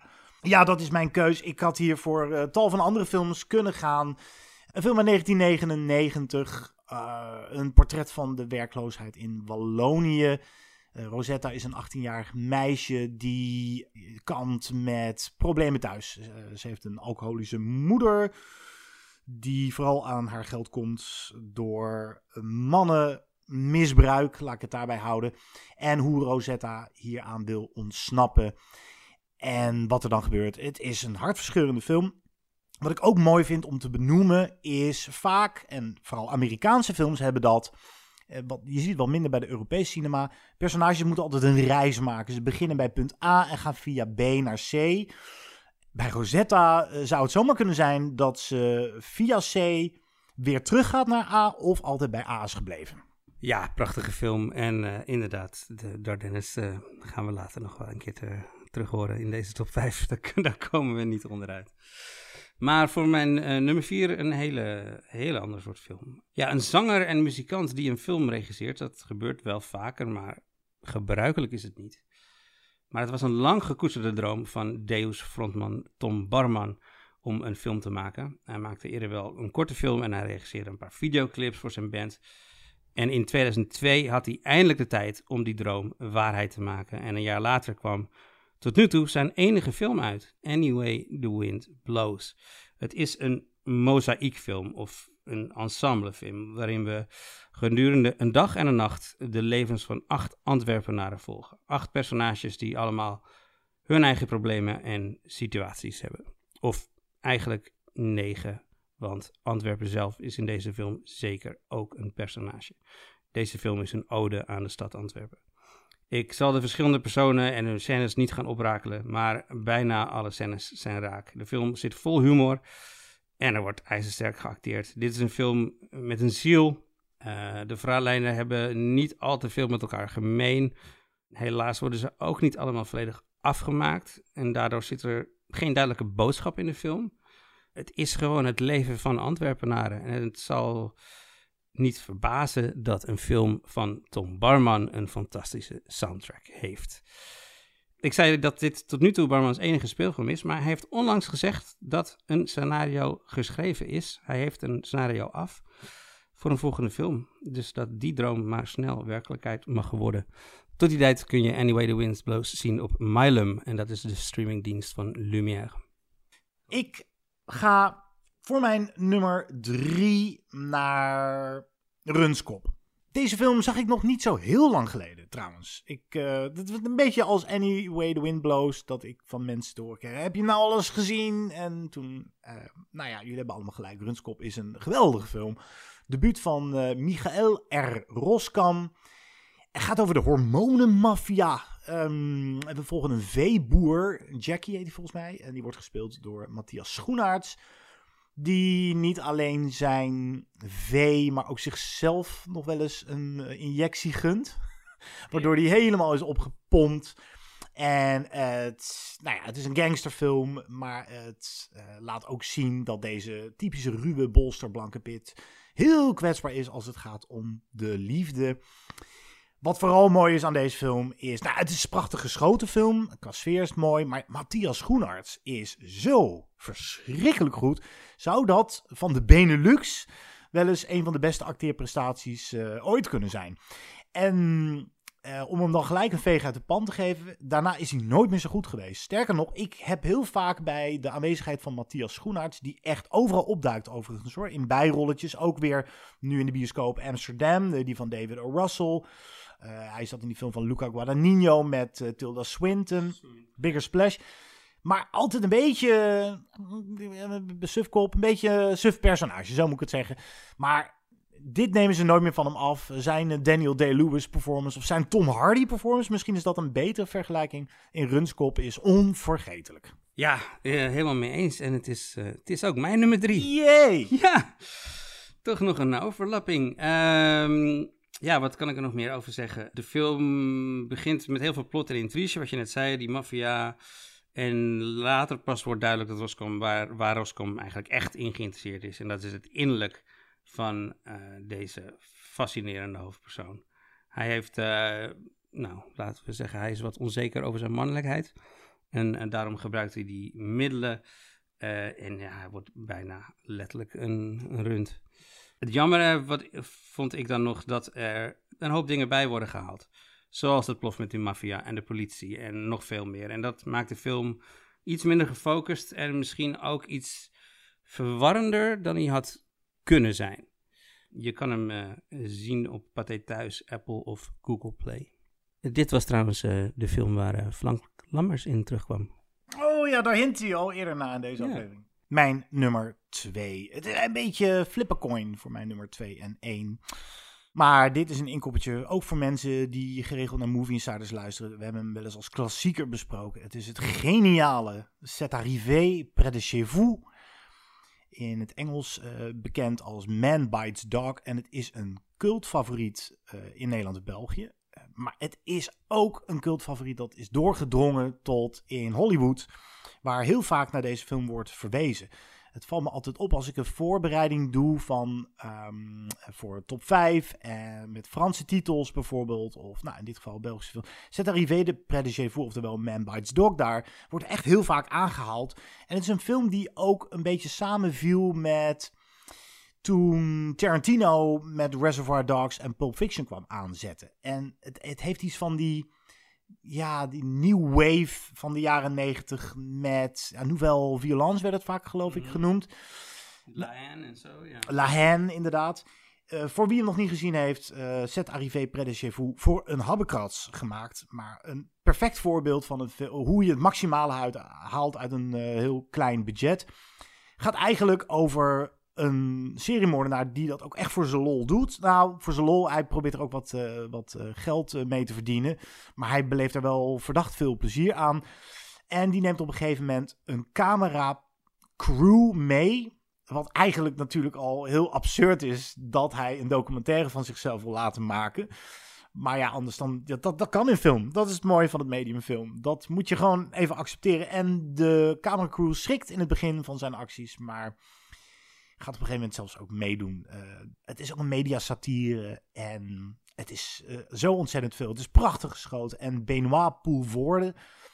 Ik had het net over uh, Matthias Schoenaerts en Runskop als een van de beste acteerprestaties van de Benelux. Maar Benoit Poelvoorde dan op een goede nummer 2 in uh, Set Arrivé Près de. Mijn hemel, wel een uh, acteerprestatie. En wat jullie niet uh, meekrijgen, jullie lieve luisteraars, is dat Jasper in die tussentijd even heeft gezocht naar de films die ik behandel in mijn top 5 die voorbij komen en waar ze te streamen zijn. Dan heb ik slecht nieuws voor mensen die nu heel graag Calvert, Set Arrivé Près de Chez Vous of Rosetta willen zien. Ik geloof dat Runskop is... Runskop, uh, ja, die had je genoemd, dus uh, daar kunnen we gelukkig naar kijken, onder meer op Pathé thuis. Maar die andere dus niet. Wat een schande. Vooral Rosetta, de Gouden Palm winnende film die je dan nergens kan streamen. Dan toch maar de DVD bestellen. Oké, okay, mijn nummer 2. En nu ik zo jouw nummer 2 tot en met 5 heb gehoord, denk ik dat het van dezelfde regisseur is als jouw nummer 1. Felix van Groeningen. Uh, ja, daar is hij dan, regisseur van uh, ja, films die op veel lijstjes zouden staan. Ik zal de titel die jij gaat gebruiken gewoon eh, niet noemen, dan blijft het nog een beetje verrassing. Maar hij heeft ook het prachtige helaas uit de dingen gemaakt. Maar aangezien de meeste luisteraars die films wel gezien zullen hebben, en omdat ik al dacht dat jij die anders zou nemen, ga ik van mijn nummer 2 voor een andere van zijn films, namelijk het geweldige Belgica uit 2016. Een film die met zijn rauwe emoties en muzikale intermezzo's een heel logisch vervolg lijkt, vervolg lijkt op de Broken Circle Breakdown. Ach, nou moest ik die titel toch, toch noemen, jammer. Jammer. Uh, alleen verliest, de, ja, verliest deze film het echt wel op subtiliteit van zijn voorganger en uh, neigt het wat meer naar melodrama. De film draait om twee broers. Het zijn niet bepaald personages waar je van gaat houden. Uh, de jongste broer is serieus en verantwoordelijk en heeft de bar Belgica uit de titel opgericht. En de oudere broer leeft een saai leven op het platteland met vrouw en kind. Ze verschillen dus nogal, of nou ja, ze komen in ieder geval van verschillende richtingen, maar komen samen in Belgica, de bar dus. Een plek waar het feest ogenschijnlijk nooit ophoudt. Door hun verschillende persoonlijkheden botsen ze geregeld, maar ze houden ook duidelijk veel van elkaar. De clichés van seks en drugs en rock'n'roll komen allemaal voorbij, maar ze moeten het feest elke avond weer opnieuw maken. Wat de hele film een één groot oneindig feest maakt. Een feest dat geen feest meer is, maar een verplichting. De cameravoering, de muziek en het acteren geven deze film een enorme energie die je als kijker meesleurt. Uh, de muziek uh, uh, van de verschillende bands trouwens, die optreden in België, werden allemaal geschreven door de band Soulwax van de, de, de Broers. Ja, inderdaad niet de laatste broers op dit lijstje. en misschien is de art direction van Kurt Rigolle, Rigolle en de set dressing deze film nog wel de grootste ster. Want de bar Belgica voelt zo echt als het maar kan op film. Je kan het Belgische bier proeven. Je kan de stinkerende urinoirs ruiken. Je voelt je voeten plakken aan de door oud bier klevende vloer. Gedurende de hele film eh, veranderen niet alleen de broers, maar ook Belgica zelf. Deze uh, is wel te streamen uh, op Cinetree bijvoorbeeld, of Cinemember of Amazon Prime. Dat die film op drie platforms te zien is en een film als Rosetta en Zeta Rivé dus nergens. Dat is, nou ja, wakey wakey streaming platforms. Koop eens, uh, of breid je assortiment eens uit. Belgica, ik heb wel geflirt met het idee om hem mee te nemen in de top 5. Ik heb hem gezien en ja, ik, ik vind het toch een beetje stoer om te zeggen, we hebben hem besproken ooit toen die uitkwam in movie, voor Movie Insiders. Ja, gave film, gave film. Mijn nummer 1 is uh, heel verrassend The Broken Circle Breakdown van Felix van Groeningen. Misschien wel een van uh, ja, de grote talenten uit België natuurlijk. Ja, deze titel is heel vaak gevallen, maar voor hen die nog steeds niet zijn overgehaald om hem aan te zetten. Het is een hele kleine film, eigenlijk een hele mooie, breekbare film over twee mensen die verliefd worden. En ook over de liefde voor muziek en hun dochtertje die heel erg ziek is. Zij heet Elise en is een tattoo-artist en religieus realist, zou je het zo kunnen noemen. En hij heet uh, Didier en hij is een banjo-speler en een atheïst. En waarom ik dat uh, laatste steeds vermeld, is omdat religie, uh, ja, geloof speelt wel degelijk een belangrijke rol in deze film. En waarom, dat moet ik misschien maar niet zeggen. Maar de gezamenlijke liefde die ze hebben voor muziek uh, is gericht op vooral de bluegrass muziek. Het is echt door deze film dat ik van bluegrass ben gaan houden. Ja. Schitterende muziek dus ook in deze film. Het is zo Zo'n mooi, tedere, uh, tedere film, hartverscheurend. Als je het hier bij droog houdt, ja, dan moet je misschien eens naar de huisarts. Uh, serieus. Uh, misschien wel de tranentrekker uit België, maar ook niet op een manipulatieve, vervelende, dwingende manier. Daar is deze film veel te goed voor. En jawel, dames en heren, hij is te streamen. Hij is te streamen op HBO Max waar die uh, te zien is gratis en met ondertiteling, geloof het of niet. En hij, je kan hem kopen op Apple TV+. Wie heeft Apple TV+, eigenlijk? Ik heb het, omdat ik uh, dit gekke werk doe. HBO Max, nu naartoe voor de Broken Circle Breakdown. Mocht je die nog niet hebben gezien. Ja, een prachtige film en eigenlijk gewoon van Groningens beste. Ja, zeker. Maar ik wilde gewoon even iets anders doen. Maar ik ben het helemaal met je eens. Echt een, echt een prachtige film. Eh, voor mijn nummer 1 wilde ik ook even wat anders doen. Want eh, ja, inderdaad, de Dardennes. Ik ben gegaan voor het prachtige Le Fils. 2002. Dus van de broers Jean-Pierre en Luc Dardenne. Het probleem van het bespreken van deze film is een beetje hetzelfde als net bij Close. Dat het plotvertellen de film verpesten is. Uh, dit moet je meemaken en hier moet je zelf achterkomen. Dus de meest oppervlakkige synopsis. De film gaat over de relatie tussen een timmerman en zijn leerling. Olivier, de timmerman, krijgt het verzoek om een nieuwe leerling onder zijn hoede te nemen. Maar hij heeft al te veel leerlingen, dus hij moet hem weigeren. Maar meteen als de jongen en zijn moeder zijn winkel hebben verlaten, volgt hij ze zonder dat ze het merken. En dan besluit hij de jongen toch aan te nemen als leerling. En waarom hij dat doet, is de crux van de film. En zo hartverscheurend dat ik het niet ga vertellen. Als je de film gezien hebt, dan kan je het niet vergeten zijn. En als je hem nog niet gezien hebt, ja, ga dat dan vooral doen. Dit is een perfecte vertelling. Een film die helemaal af is en geen vragen achterlaat bij de kijker. Echt een prachtige vertelling van verdriet en geluk. Uh, een film ook die je op geen enkele manier probeert te misleiden of dingen probeert achter te houden. Uh, ze laten alles zien. Ze willen ook niet veel uitleggen of eigenlijk ze hoeven niks uit te leggen omdat ze het gewoon allemaal laten zien. Uh, ze volgen hun hoofdpersoon in een bijna documentaire-achtige stijl met een handheld camera. volgen ze die Olivier ja, meestal redelijk close, medium close. En ja, daardoor leren we alles over Olivier gewoonweg door hem te volgen, door naar hem te kijken. Ik zou de luisteraars op Instagram veel uh, citeren, maar nu even iemand anders, namelijk een van de bekendste filmjournalisten aller tijden, Roger Ebert, die over deze film schreef: I grew during this film. It taught me things about cinema I did not know. Nou, als dat geen aanprijzing is, dan weet ik het niet meer. De gebroeders Dardenne worden hier de hemel ingeprezen. Ze hebben ook echt wel mindere films gemaakt. Uh, onlangs nog besprak ik heel kort Tori Elokita. Dus misschien om aardig om even te... Nu in de bios. Ja. ja. omdat hij nu nog in de bioscoop draait en ook zeer de moeite waard is. Maar Le Vis is fantastisch. La Promesse, heel indrukwekkend oeuvre. Ik heb niet echt eervolle vermeldingen, moet ik je zeggen. Jij misschien nog een paar titels noemen? Ik heb vooral heel veel eervolle vermeldingen van de luisteraars nog ja, de Broken Circle Breakdown werd gewoon heel veel genoemd, uiteraard. Uh, onder andere door luisteraar Meijner de Vries. Uh, Mike van Dooyeweert noemde De Patrick. En Loft, de moviefreter die ik eerst al noemde, die heeft een hele top 5 ingeleverd. Die ik toch wel even wil noemen. Hij dus op 1 ex-drummer.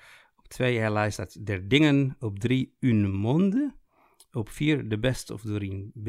En op 5 Linsult. En ene uh, Ruben Tienhoven, dat zal wel toeval zijn, hè?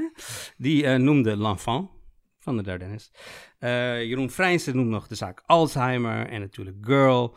En volgens Nancy Noord mag aanrijding in Moskou niet uit een top 5 missen.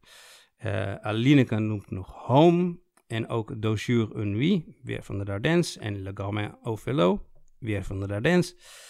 En ook nog uh, Rouille et Dos van Jacques Audiard. En dan nog eventjes snel uh, de top 5 van twee luisteraars. Theodor Stenen, waar ik het net al over had, heeft een uh, top 5 met redenatie gegeven. Op 5, Toto Los Heroes is wat mij betreft een van de mooist magisch realistische films over de kindertijd ooit gemaakt. Malpertus, Malpertuis, dat is een film van Harry Kumel, is een puikenpsychologische horror over fascisme met een fantastische Orson Welles. Op 3, Lucifer, uh, is een film die in de slotscène met zo'n effectieve stijlbreuk komt dat het een van de weinige films is die het vloerkleed compleet onder me vandaan trok. En dan had hij dus ex-drummer uh, op twee staan. En op één heeft hij de film eh, Violet of Violet is een hartverscheurende film van Het Kleine Gewaar. En bevat een van de mooist geacteerde rouwverwerkingsscènes ooit gemaakt. Dus misschien hadden we die vorige aflevering mee moeten nemen. En dan een snelle top 5 van Spawn, waar we het net over hadden. Die heeft op 5 helaas heet Der Dingen. Een heerlijke pijnloop. De echte jaren 80 new slash old kids. Op 4 Calver, hebben we net benoemd. Op 3 Runskop. Hij noemt het de moderne Raging Bull. Op 2 C'est arrivé près de. Een mockumentary van een kijkje in het leven van een seriemoordenaar. Een klassieker. En op 1 had hij dus ex-drummer. Dat waren de honorable mentions wel zo'n beetje. Er waren nog veel meer, maar uh, blijf vooral komen. En voor volgende top 5 zal ik ook weer op Instagram de vraag stellen. En uh, wellicht kom je in de uitzending. Rest mij nog één vraag te stellen aan jou, Jasper, voordat we deze podcast gaan afsluiten. Hoe is het met je? Je hebt het overleefd. Is je kaak nog heel? Uh, hij doet het nog. Ja, en het, volgens mij het spraakgebrek viel mee. Dat viel me zeker mee. Ik weet niet of je hier gruwelijk voor moet boeten. Uh, Jasper gaat straks aan de antibiotica. Maar keer nog een keer terug, alsjeblieft. ik vond het hartstikke leuk om uh, met jou hier in de Rotterdamse studio te zitten. Oh joh, dat Movie Insiders, dat opereert uh, van over de hele... Van over de, heel Nederland. Zuid-Holland. De Randstad. Anyway. Dit was Movie Insiders. Je kan altijd van je laten horen via Instagram dus, waar heel veel leuke reacties binnenkwamen, top 5 lijstjes. Maar die kun je ook sturen per e-mail bijvoorbeeld, movieinsiderspodcast.gmail.com. Je kan ook met ons twitteren, at movieinside, of vind ons op Facebook, want dat schijnt ook nog te bestaan. Verder vind deze podcast en like ons, geef ons een star rating daar op Spotify bijvoorbeeld, of op Apple. Wat gaan we de volgende keer doen? Als het goed is, ben jij hoofdzakelijk aan het woord samen met John. Maar wij gaan met z'n tweeën in ieder geval bespreken. Daar komen we niet helemaal onderuit. De nieuwe Black Panther, Wakanda Forever. Uh, oftewel de begrafenis van Chadwick Boseman. Uh, dat zeg ik een beetje cynisch. Maar ja, dat is natuurlijk uh, een gegeven dat als een, als een schaduw over deze hele film valt. En verder zijn er nog andere films die besproken moeten worden. Daar komt best een hoop uit. Ja, we gaan uh, in ieder geval uh, Vortex bespreken. Uh, dat is de nieuwe Gaspar Noé. Nou, Guido, jij zei net dat je verliefd bent geworden op de Bluegrass. Dankzij de Broken Circle Breakdown. Dus dat lijkt me een mooi om mee af te sluiten. Waar gaan we naar luisteren? Ja, daar komen we niet helemaal onderuit. Hè. Het mooiste nummer misschien van de soundtrack. If I Needed You. Jasper, beterschap. En lieve luisteraar, tot snel. Tot volgende keer.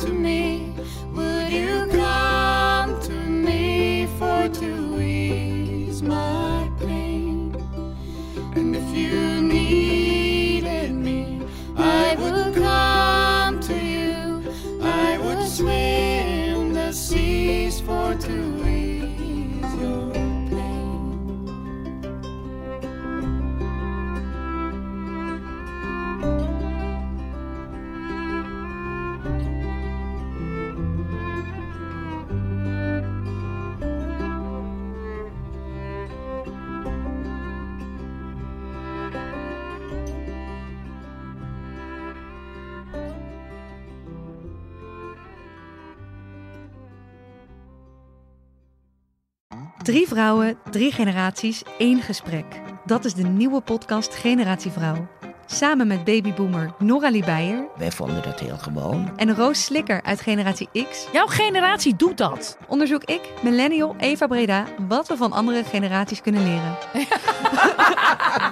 Iedere vrijdag een nieuwe aflevering op Flair, Libelle of margriet.nl slash podcast.